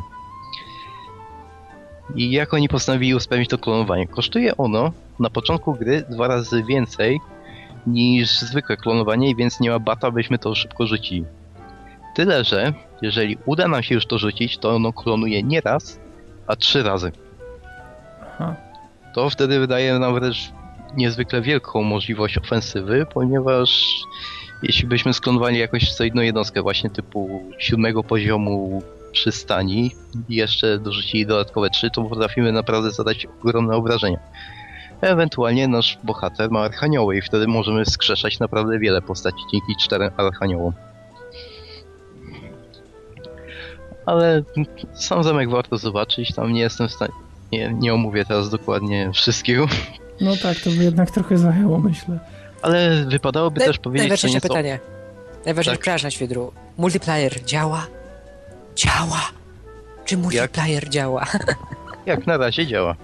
Ale po hamaku zawsze można było grać. Ja nigdy nie miałem. Znaczy, ja, Hamak, no ja, no właśnie. ja nigdy nie miałem problemów z hamachi. To znaczy, ludzie, którym pomagałem, też nie mieli problemów z hamachi. Natomiast To jest największy problem Heroesów dzisiaj. Nie ma jak w nich pograć tak, żeby nie było problemów dla kogoś. wiesz co? Y, największy problem Heroesów, myślę, dzisiaj to jest y, faktycznie to, że jak zaczynasz grać z kimś y, po sieci, to czasami potrafisz wyjść z domu, wrócić i, i nadal nie jest twoja tura. To jest największy problem Heroesów po sieci. Dlatego masz time limit Odin. No, no tak, ale nie zawsze na przykład go ustawiasz, nie zawsze ktoś zgadza się na to, żeby, żeby na przykład mieć tylko, nie wiem, powiedzmy minutę na, na, na zrobienie czegoś No, tam. wróćmy do głównego Ale tematu. rozumiem, Odin, o czym mówisz. Rozumiem Odin o czym mówisz. Zdarzyło się kiedyś, że grałem w internecie w Heroesy i ktoś wyszedł na pół godziny, powiem, powiem tak. Przez pół godziny trwała czyjaś tura, bo wyszedł do sklepu po chipsy. No, Pół godziny do sklepu chipsy. Boże, co on tam robił? On chyba robił te chipsy, smażył je, ale mówiliście, że, że Heroes też mają mieć odnowiony silnik. Czy myślicie, będzie szansa właśnie na jakieś możliwość stawienia serwerów dedykowanych, tak żeby nie musieć męczyć się na jakieś półprogramy y, symulujące bycie w lanie? znaczy ja szczerze powiedziawszy nie wiem, mm, czy faktycznie będzie Trzeba- taka opcja. Trzeba by Trzeba było by było zapytać ludzi, którzy robią te modyfikacje, czyli Ja, VKM ja, ja myślałem, że jedna z takich modyfikacji, która przypisała silnik Heroesów, była już w, pewien sto, w pewnym stopniu gotowa, tak, że, że można było już spokojnie sobie pograć. I teraz nie jestem pewien, czy, e, czy może już nie jest tak, że w momencie, kiedy my to mówimy, to ona już jest naprawdę skończona od powiedzmy jakiegoś naprawdę sporego czasu i wiesz. rozejrzę się w trakcie. No, to jest dobry pomysł, dlatego że e, jestem pewien, dlatego że kiedyś na tym, na, na takiej jednej, cholera, nie pamiętam jak się ta strona nazywała, twierdza coś tam, e, tam sobie właśnie czytałem taktyki różne i miałem zresztą znajomego, który miał, który był na ósmym miejscu w Polsce w graniu w Heroesy i ogólnie dowiadywałem się o trójce takich rzeczy, że oczy mi po prostu z gałów wy- wychodziły, bo Boże, Jezu, tak się da w ogóle? To tak działa? A wiesz, że jak zagrasz tak, to będziesz miał tą rzecz trzy tury szybciej i to ci Nie, później nie, nawet pozwoli nie, w ogóle, wiesz, 17 tur szybciej. Nie, chodzi bardziej o to, że jednostki, które między sobą współgrają, że na przykład jakieś e, bufy, które wzajemnie na siebie narzucają, rzeczy po prostu, o których normalnie byś nie pomyślał, dlatego że Heroesy cię tego nie nauczyły. Nie było, nie było na tyle rozbudowanych samouczków i człowiek musiał albo bardzo mocno się zastanowić i robić takie, wiesz, arkusze kalkulacyjne niemalże, żeby, żeby się domyśleć, jak to działa, albo po prostu musiał o tym przeczytać. I e, no ja akurat o tym właśnie czytałem i naprawdę to potrafiło zająć dużo czasu, żeby się dowiedzieć takich rzeczy, a, a było naprawdę dużo, dużo fajnych, e, fajnych taktyk, więc no. A i na marginesie znalazłem VCMI obecnie jest w wersji 0.95. O, no to już, Już naprawdę blisko bardzo jeden. blisko ukończenia, super. Tak. I to widzę, że na przykład już ne, wrzucali wcześniejsze zamki do Woga i one walczą z kołem, czyli z zatoką, czyli przystanią. Mhm. Tak jeszcze trzymając się tematów modyfikacji, jeszcze, znaczy modyfikacji samych Herosów, e, powstała niedawno taka aplikacja na Androida nazywająca się Heroes 3 Runner. Jest to Heroes 3 na Androida. Niedawno, nie, nie tak dawno, bo ja kiedy miałem jeszcze swój pierwszy telefon z Androidem, to, to było coś takiego e, i problem polegał na tym, że musiałbym mieć niebywale małe rączki, żeby na tym grać, ale uruchomiłem. E, Ale i- na tablecie, coś takiego. No, tak, na tablecie myślę, że, że byłoby całkiem w porządku. Chociaż z drugiej strony. Nie wiem sam.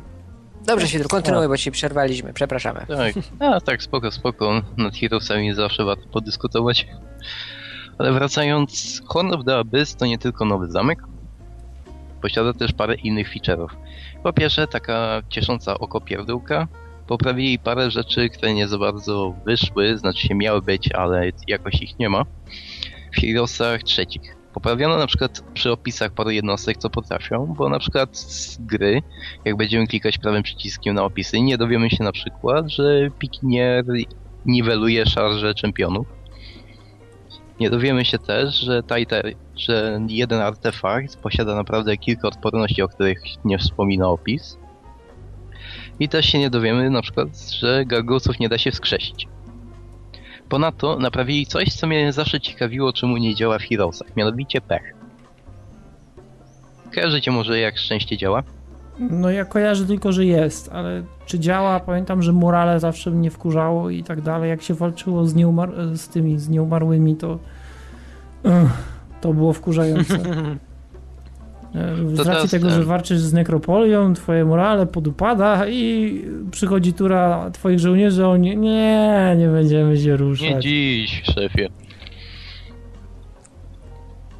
Ale wracając, szczęście w tej grze działało tak, że mieliśmy szansę małą na to, że jednostka zada o połowę więcej obrażeń, ale nigdy, przy nigdy nie dochodziło do pechu. Nigdy szczęście nie mogło spać poniżej zera.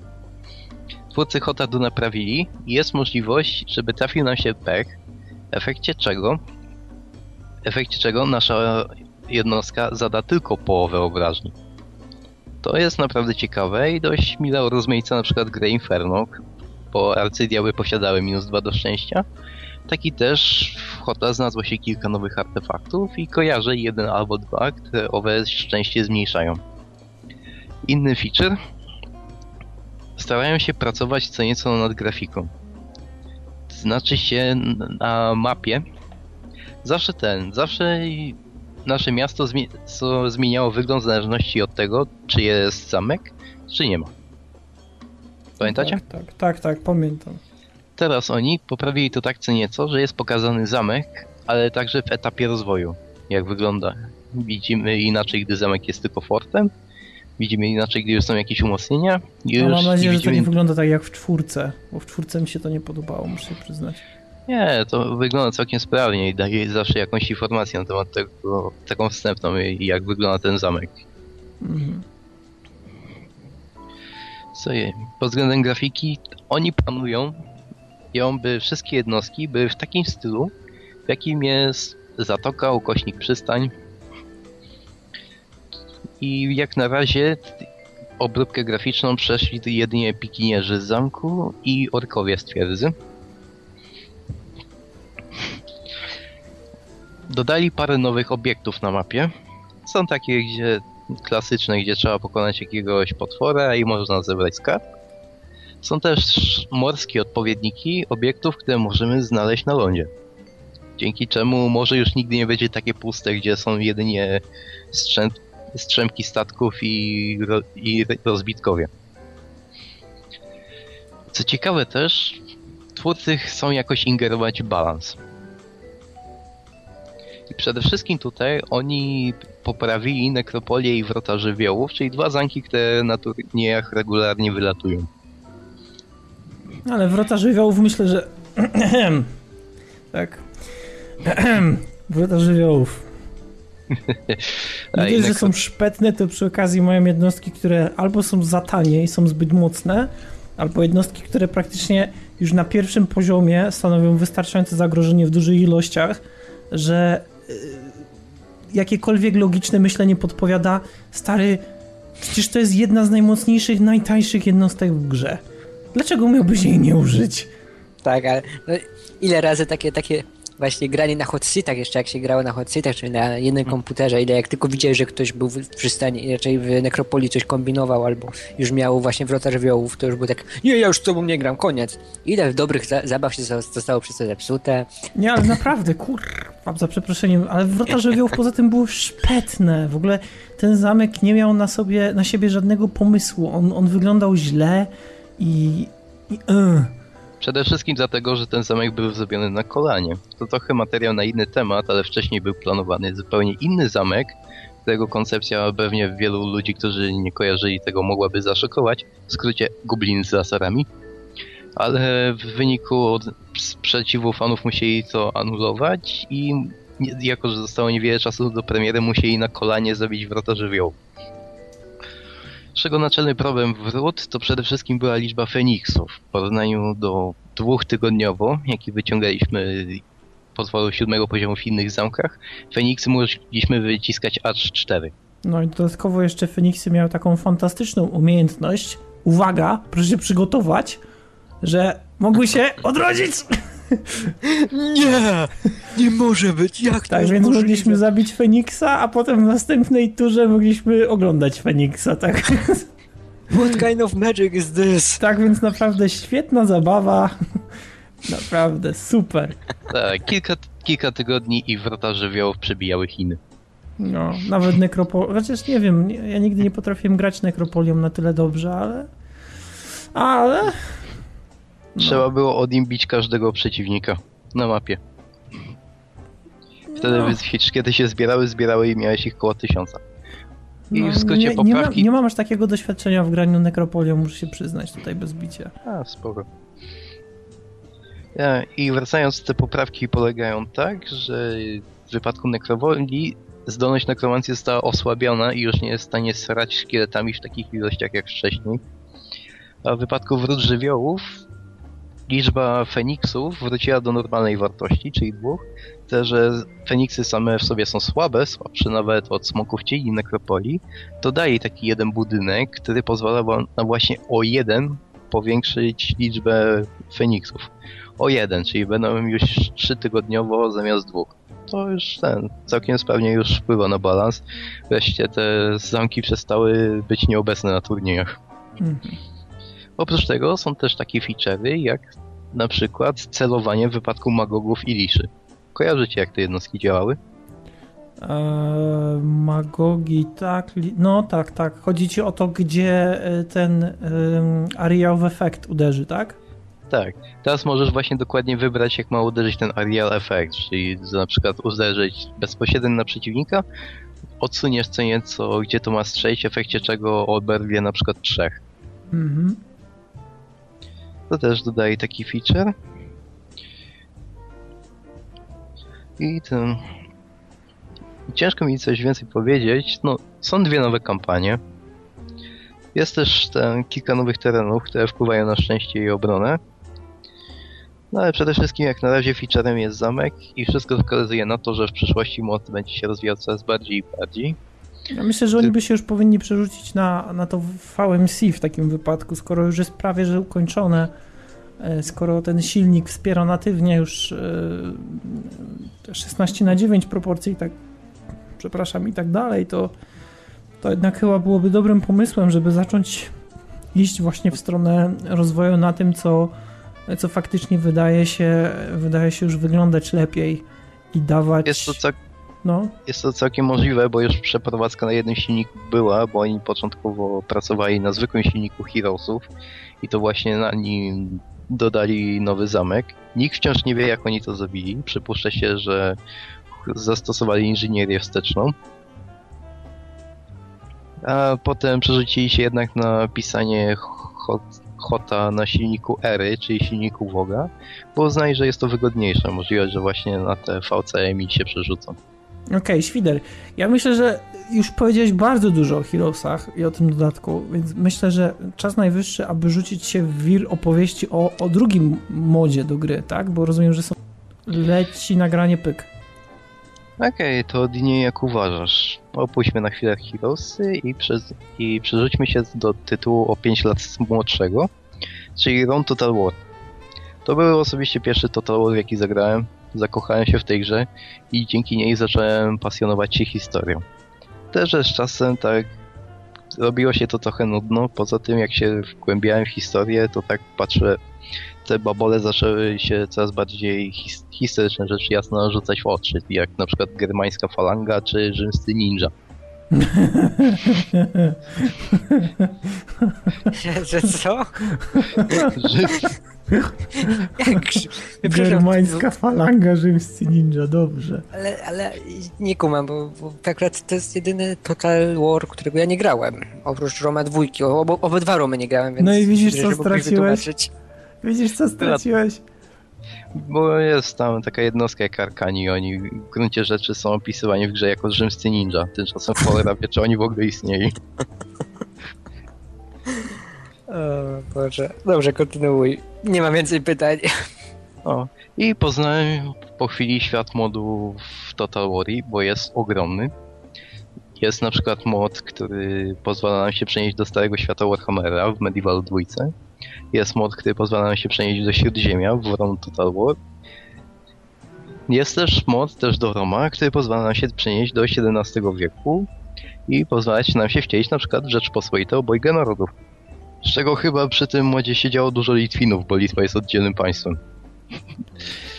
Ale wracając... E, tam takie szczegóły historyczne. Proszę cię. No. Ale wracając, poznałem takiego moda, który był uznawany za niezwykle historyczny i się nazywał Europa Barbarorum. Zaciekawiło mnie to, szczególnie waga moda, bo, była, bo był ogromny. Nie przypominam sobie teraz dokładnie ile to miało. No, ściągnąłem, rozpakowałem zgodnie z instrukcją, odpaliłem i po prostu o w mordę jeża, jak ta gra się mocno różni od tego, co póki co widziałem w domie. No, jak mówiłem, narzekałem co nieco na historyczność pierwszego Roma, więc chciałem zobaczyć, co oni teraz prezentują. Nazwy, nazwy ten, jednostek i nazwy państw, oprócz normalnych angielskich nazw, są też w języku ludzi, którzy wtedy istnieli. Czyli języku lokalnym. Także więc oprócz nazwy Senat i Lud Rzymski mamy też Senatus, coś tam, coś tam Romanus. Trochę Fajny smaczek dla, dla maniaków historii. Takich tak. fanboy historii, jak to nazwijmy. A też, że jednostek takich, też takich nazw był ogrom przy budynkach, był przy jednostkach, był. Dało się co, co nieco się pogubić, o co tu chodzi. Co jeszcze ten? Pod względem historyczności. Usunięto właśnie te wszystkie jednostki, o których wspominałem, typu rzymscy ninja. No. I też kompletnie przerobiono Egi, bo Egi Egi w zwykłym Romie wyglądał tak, jakby stanął w czwartym tysiącleciu przed naszą erą. Tymczasem to gówno prawda. Egipt za czasów rządu Ptomeleuszy wyglądał zupełnie inaczej, ale nie wchodźmy w szczegóły. I przede wszystkim coś, co mnie też kompletnie rozwaliło i zacząłem się zastanawiać, jak ogromną wiedzę ludzie mają na ten temat. Co roku zamiast, i w tej grze zamiast dwóch tur mamy cztery tury, odpowiednio dla każdej pory roku są małe opisy tego, co się w danym roku dokładnie działo. To mnie po prostu kompletnie zbiło. Oni byli w stanie powiedzieć, wiedzieć co wtedy, w czasach, które jeszcze nie były jako tako sprawnie dokumentowane jak potem. A co chodzi ci o państw... to, że miałeś jeszcze background historyczny, tak? W, oprócz tak. tego, że miałeś zrzut tego, co robili twoi przeciwnicy na mapie, to przy okazji jeszcze było to uzupełnione o historyczne szczegóły tego, co faktycznie w tamtych latach miało miejsce. Tak. Fajna sprawa. Grać i uczyć się. To jest dobre. No, ale nie, no to takie coś naprawdę e, to. Pod, ale tylko pytanie, czy w takim wypadku, skoro ym, miałeś informację, co się działo, to y, czy miałeś również informacje, czyli czy te informacje pokładały się y, z tym, co faktycznie robili twoi przeciwnicy? Czyli na przykład jeśli był zapisek, że nie wiem, że Imperium Rzymskie no nie wiem, no maluje sobie teraz twarze na biało, to oni faktycznie w grze malowali, czyli wiesz, to jest taki luźny przykład, ale chcę tylko podać, że jeśli na przykład, no nie wiem, no była jakaś budowa jakiegoś, jakiegoś cudu architektonicznego, to czy oni faktycznie robili to w grze, czy to było tylko taki zapisek, który był tylko z boku i on się nie wiązał tak jakby e, gameplayowo z tym, co się działo? Powiedz, ujmijmy to w ten sposób. I tak, i nie. Nie w znaczeniu, że aż tak to szczegółowo nie widać, nie ma tam jakichś smaczków, nie ma tak, że jak pojawia się informacja, że w Kartaginie zostało wynalezione przejrzyste szkło, nagle Kartaginę zaczynają owe przejrzyste szkło zalewać. A i tak, bo zrobili to w przypadku dość luźnym, w przypadku wojska, bo nasze wojsko w Europa Barbaro może już przejść konkretne reformy. Zrobieniem reform w Romie pierwszym nie było problemem, to już natomiast jest. Widzimy na przykład, jak wojsko rzymskie ewoluuje cały czas, z armii wcześniej poborowej w zawodową. Musimy spełnić całkiem dużo konkretów, żeby tak się stało. Ale też inne państwa również posiadają takie reformy. Z czego chyba najdziwniejsza reforma to miało państwo Seleukidów, bo polegała ona na tym, że musi zebrać dwie armie, które są całkowicie wypchane żołnierzami, zaatakować wroga, który miał jedną określoną jednostkę, czyli katafraktów i dostać srogi w pierdol.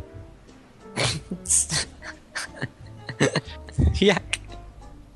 Jest to jakoś ty... historycznie wytłumaczone, czy, czy po prostu tak, tak, tak... No, na wschodzie była taka jednostka katafraktów, czyli tacy ciężko opancerzeni jeźdźcy. Ona zdawała srogi w pierdol Seleukidom, więc on, więc oni sami zaczęli korzystać z tej jednostki. Potem jak Seleukici upadli i zaczęli z tymi ludami wschodnimi walczyć Rzymianie, to i im zaczęła ta jednostka doskwierać, więc i oni sami zrobili tą jednostkę u siebie i ona istniała aż do końca, no może trochę przesadzam, ale przez większość czasu Imperium Bizantyjskiego nawet istniała. Wow, powiedzieć, że, że oryginalne rozwiązanie e, rozwoju armii. Ale tak ze zmian. Przede wszystkim multum nowych jednostek. Gameplayowo też jest parę takich zmian, jak na przykład gra co nieco zwraca uwagę na to, jak, jaką mamy porę roku. Przez wiosnę, jesień i lato jesteśmy jako tako w stanie na przykład się poruszać, ale już zimę, ze względu na zasady walki w tamtych czasach, już nie za bardzo. Na wielu prowincjach, wiele prowincji zostało wzbogacone o, o takie właśnie swoje własne specyficzne budynki, które jako tako wspomagają albo i nie, bo pojawiają się w przeciwieństwie do pierwszego Roma budynki, które ujemnie wpływają na to, co robimy. Ja pamiętam, że chyba był, nie pamiętam który dokładnie taki budynek, co ujemnie wpływał na przyrost populacji. Chyba kolonia karna się nazywał. No to na pewno ujemnie wpłynie na rozwój, rozwój twojej populacji. Czy też grafika też mocno, pamiętam, w tytule się zmieniała. Jednostki zaczęły wyglądać dość naprawdę ładnie, jak na silnik offer, który miał ROM Total War pierwszy. Wreszcie coś było pod spodem pancernego słonia, bo jeśli zagrasz Roma pierwszego i uda ci się pokonać słonia pancernego, tak że padnie na ziemię, to on pod swoją sukienką nie ma nic. Po prostu przejście do czwartego wymiaru czy coś. Tutaj w wypadku tego moda twórcom chciało się w tej kwestii coś zrobić. Podobnie jak wielu innych No, jednostkach. zajęli się po prostu najbardziej istotnymi problemami tej gry. No proszę Państwa, no już od dłuższego czasu słoń nie ma nic pod sukienką. Musimy coś z tym zrobić. Ale to taki szczegół, o którym mówię. I ten. I co jeszcze pod względem historii? Podoba mi się, że oni w końcu poprawili falangę. Przynajmniej grecką, bo teoretycznie była falanga grecka i falanga macedońska. Tyle, że w Romie I de facto te obie falangi różni- różniły się jedynie długością włóczni. Co nie do końca było zgodne z prawdą i trochę lepiej zostało to przedstawione właśnie w tym Ro- Europa Barbaroną, gdzie falanga grecka faktycznie jest falangą grecką, gdzie są ludzie mocno ściśnięci tarczami z takimi krótszymi włóczniami nadstawionymi nad głową. No okej, a jak to wszystko wpływa na gameplay? Bo na razie mówimy od strony tego, co zostało zmienione i jak wygląda e, w kwestii na przykład, nie wiem, zapisu na, na mapie albo w grze, ale gameplay. Jak się zmienił gameplay? Po prostu dodano wiele jednostek i co nieco zmieniono to, jak te jednostki działają. Na przykład konnica. Konnica po szarży w Romie Total Warze była jako w stanie walczyć. Tymczasem większość konnicy w Europa Barbarorum na przykład robi masakrę w trakcie szarży, ale chwilę po niej jest do dupy. I najlepiej ją szybko wycofać, by rozpoczęła i szarżowała od nowa, niż dalej pozwalać im walczyć, bo po chwili by ich rozbici i uciekali. Jak gameplayowo, to jak mówiłem, dodali naprawdę wiele różnych budynków, które wpływają, które wpływają na zarówno rozwój miasta, jak i też mogą nieść jakieś przykre konsekwencje, obniżyć handel, ten wzrost populacji, branie do zadowolenia i tak dalej, więc trzeba trochę bardziej uważać przy tym, co się wstawia. I trochę inaczej jest z frakcjami. Na przykład w podstawowej wersji Roma istniała Galia. Tutaj rozbili ją na dwa walczące ze sobą plemiona. Plemię, plemię Arwenów, z tego słynął Wicegoretyks, który uprzykrzał dzień Juliuszowi Cezarowi i Edułowie, którzy słynęli z demokracji plemiennej. Jest też parę takich innych państw, które w sumie są daleko poza tym, co się dzieje na arenie międzynarodowej i w sumie można by je bardziej traktować jako ciekawostkę. Jest na przykład Królestwo Arabów, O, takich na samym końcu Półwyspu Arabskiego, czy też taki jeden lud koczowniczy Sakowie, których również nie było w podstawowej wersji gry. Sama mapa została też wydłużona, bo w Romie mapa kończy się ze wschodu na Morzu Kaspijskim, a na południu gdzieś tak na zahacza tylko o północny brzeg Afryki. Teraz to zostało powiększone o Półwysep Arabski. W związku z tym mamy trochę więcej Afryki i nawet jezioro Morze Aralskie, czy tam jezioro się załapało.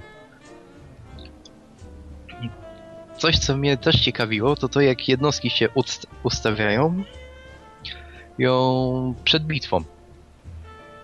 Bo generalnie formacji mieliśmy dwie w zwykłym Romie. Był Rzym, który po prostu tam ustawiał, że w tym szeregu stoją ci, w drugim szeregu stoją ci, w trzecim ci i resztę świata, czyli z tyłu łucznicy, z przodu piechota, po bokach jazda, czyńcie honor.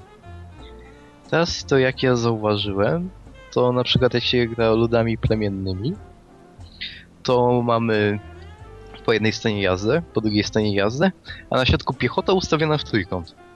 To też mnie nieźle zaskoczyło.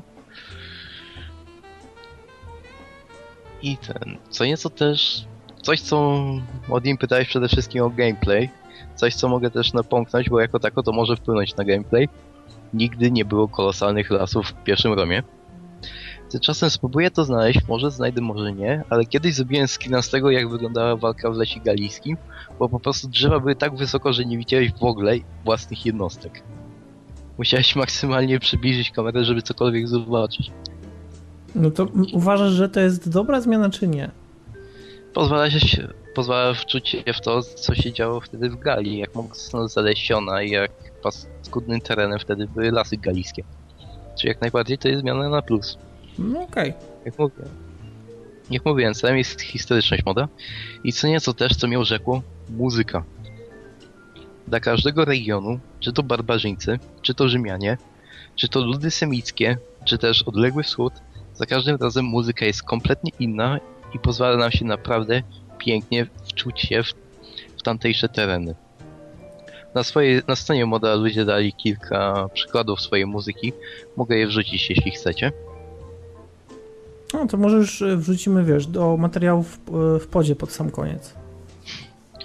Tak, podzieli tak po kilka przykładowej muzyki na każdy teren. Naprawdę to, jak oni to zrobili, tak samo jak ja nie kojarzę do końca na jakich instrumentach oni byli w stanie to zrobić. Ale naprawdę robota na 5+, na szóstkę nawet. Jakieś pytania od nim? Bo tak ciężko mi teraz przypomnieć, czy coś jeszcze, czy czegoś nie przegapiłem. Nie, no ja myślę, że naprawdę no, starałeś się tutaj jak najdokładniej przybliżyć e, e tą modyfikację, zresztą to jest w twoim stylu, żeby się rozczłonkować na każdy element. Więc myślę, że tutaj pytań zbęd... z, jakoś, jakoś nie ma, bo, bo względnie to nie ma już o co zapytać. Ale coś Aki chciał powiedzieć, więc... Aha. Tak, tak, że zakończyliśmy, no to tak myślę, że pogadaliśmy o modach, które graliśmy, a czy są mody, na które czekamy? Czy macie jakieś modyfikacje, na które na przykład czekacie, które śledzicie i obserwujecie ich rozwój? Myślę, że też można byłoby czymś takim powiedzieć, bo jest tego mnóstwo na pewno. No, może ja zacznę pierwszy. Na pewno kolejne wersje Horn of the Abyss, bo oni zamierzają dodać parę innych feature'ów. Na bank wiem, że w wersji 2.0 będzie nowy zamek, tylko jeszcze nie do końca wiadomo który. Ptaki wieść niosą, że to może być owy zaginiony zamek, który początkowo miał być Armageddon's Blade, że zrobiony bardziej przez nich, niż przez to, co początkowo twórcy chcieli nam pokazać. I drugi mod, na który czekam, Skywind. A, wiedziałem, wiedziałem. Wiedziałem, że Odin to rzuci. Właśnie na, na, pod, pod to biłem ten temat, pod Skywinda. No tak, tak. chętnie, chętnie bym trzeci, zobaczył. Trzeci moc, w sumie on jest co nieco skończony, ale prace na nim wciąż trwają i nic się nie zanosi na to, że, że wkrótce ukończą Tamir Rebuild. To już jest modyfikacja do Morrowinda ponownie, tyle że oni chcą otworzyć kontynentalną część Morrowinda, bo w samym Morrowindzie dostaliśmy tylko wyspę. Widziałem dwa pierwsze skrawki terenu, jakie zrobili i po prostu mi kopara opadła, co oni potrafili wyciągnąć z tego, co oferował podstawowy silnik Morrowinda. I po prostu czekam, aż zrobią całą resztę mapy. Hmm. No ja czekam na Skywind, natomiast y, prace nad nim idą bardzo, bardzo ślamazarnie, więc y, przyjdzie naprawdę nam sporo, sporo czasu odczekać, aż, aż pojawi się jakaś konkretna wersja, którą będzie można zagrać. Nadal można grać w Skywind, natomiast e, no ta gra ma to do siebie, że potrafi trochę zepsuć e, wczucie, tak, tą imersję, o której często mówimy, bo niektóre postacie nie mają głosów, inne mają, są różne problemy, znaczy problemy, no może nie problemy, ale takie designerskie bolączki, że na przykład Ziemia nie posiada tekstur w tym miejscu, albo na przykład tutaj kończy się zakres tego, które, zakres tego, co model wymodelował, a potem już jest sama Ziemia, nie ma nic w ogóle, tylko sama Ziemia, tak więc są takie rzeczy, które robią takie a, nie za bardzo, nie, nie fajnie. Natomiast e, z drugiej strony, no tak czy inaczej, nikt nie jest doskonały, fajnie, że to się rozwija w ten sposób, w jaki się rozwija. E, Skywinda można ściągnąć cały czas, tak więc e, tak więc to jest naprawdę bez najmniejszych problemów. E, ale muszę przyznać, że na ten moment ciężko jest w ogóle powiedzieć o, o jakimś konkretnym poziomie zaawansowania prac. Po prostu ja, ja za bardzo nawet nie wiem, gdzie miałbym się udać, żeby, żeby się dowiedzieć, no, obecnie forum Skywinda jest chyba najlepszym miejscem. Tak, ale nie ma, nie ma w ogóle takiej jakby, wiesz, informacji, gdzie mógłbyś się dowiedzieć na jakim roadmap, etapie pracy. Roadmap po prostu nie ma. No, nie, nie, nie ma po prostu czegoś takiego, tak więc ciężko jest e, ciężko jest po prostu stwierdzić, mm, ile jeszcze zostało czasu. No, więc to jest ten problem. Mm. Z moich modyfikacji, na które ja czekam, to jest e, najnowsza wersja z modu Dragon Alliance 1.13, ponieważ w tym roku ma wyjść kolejna część, a w końcu po dwóch latach wy wy wywalania tylko zwykłych patchy ma wyjść kolejna odsłona tego moda.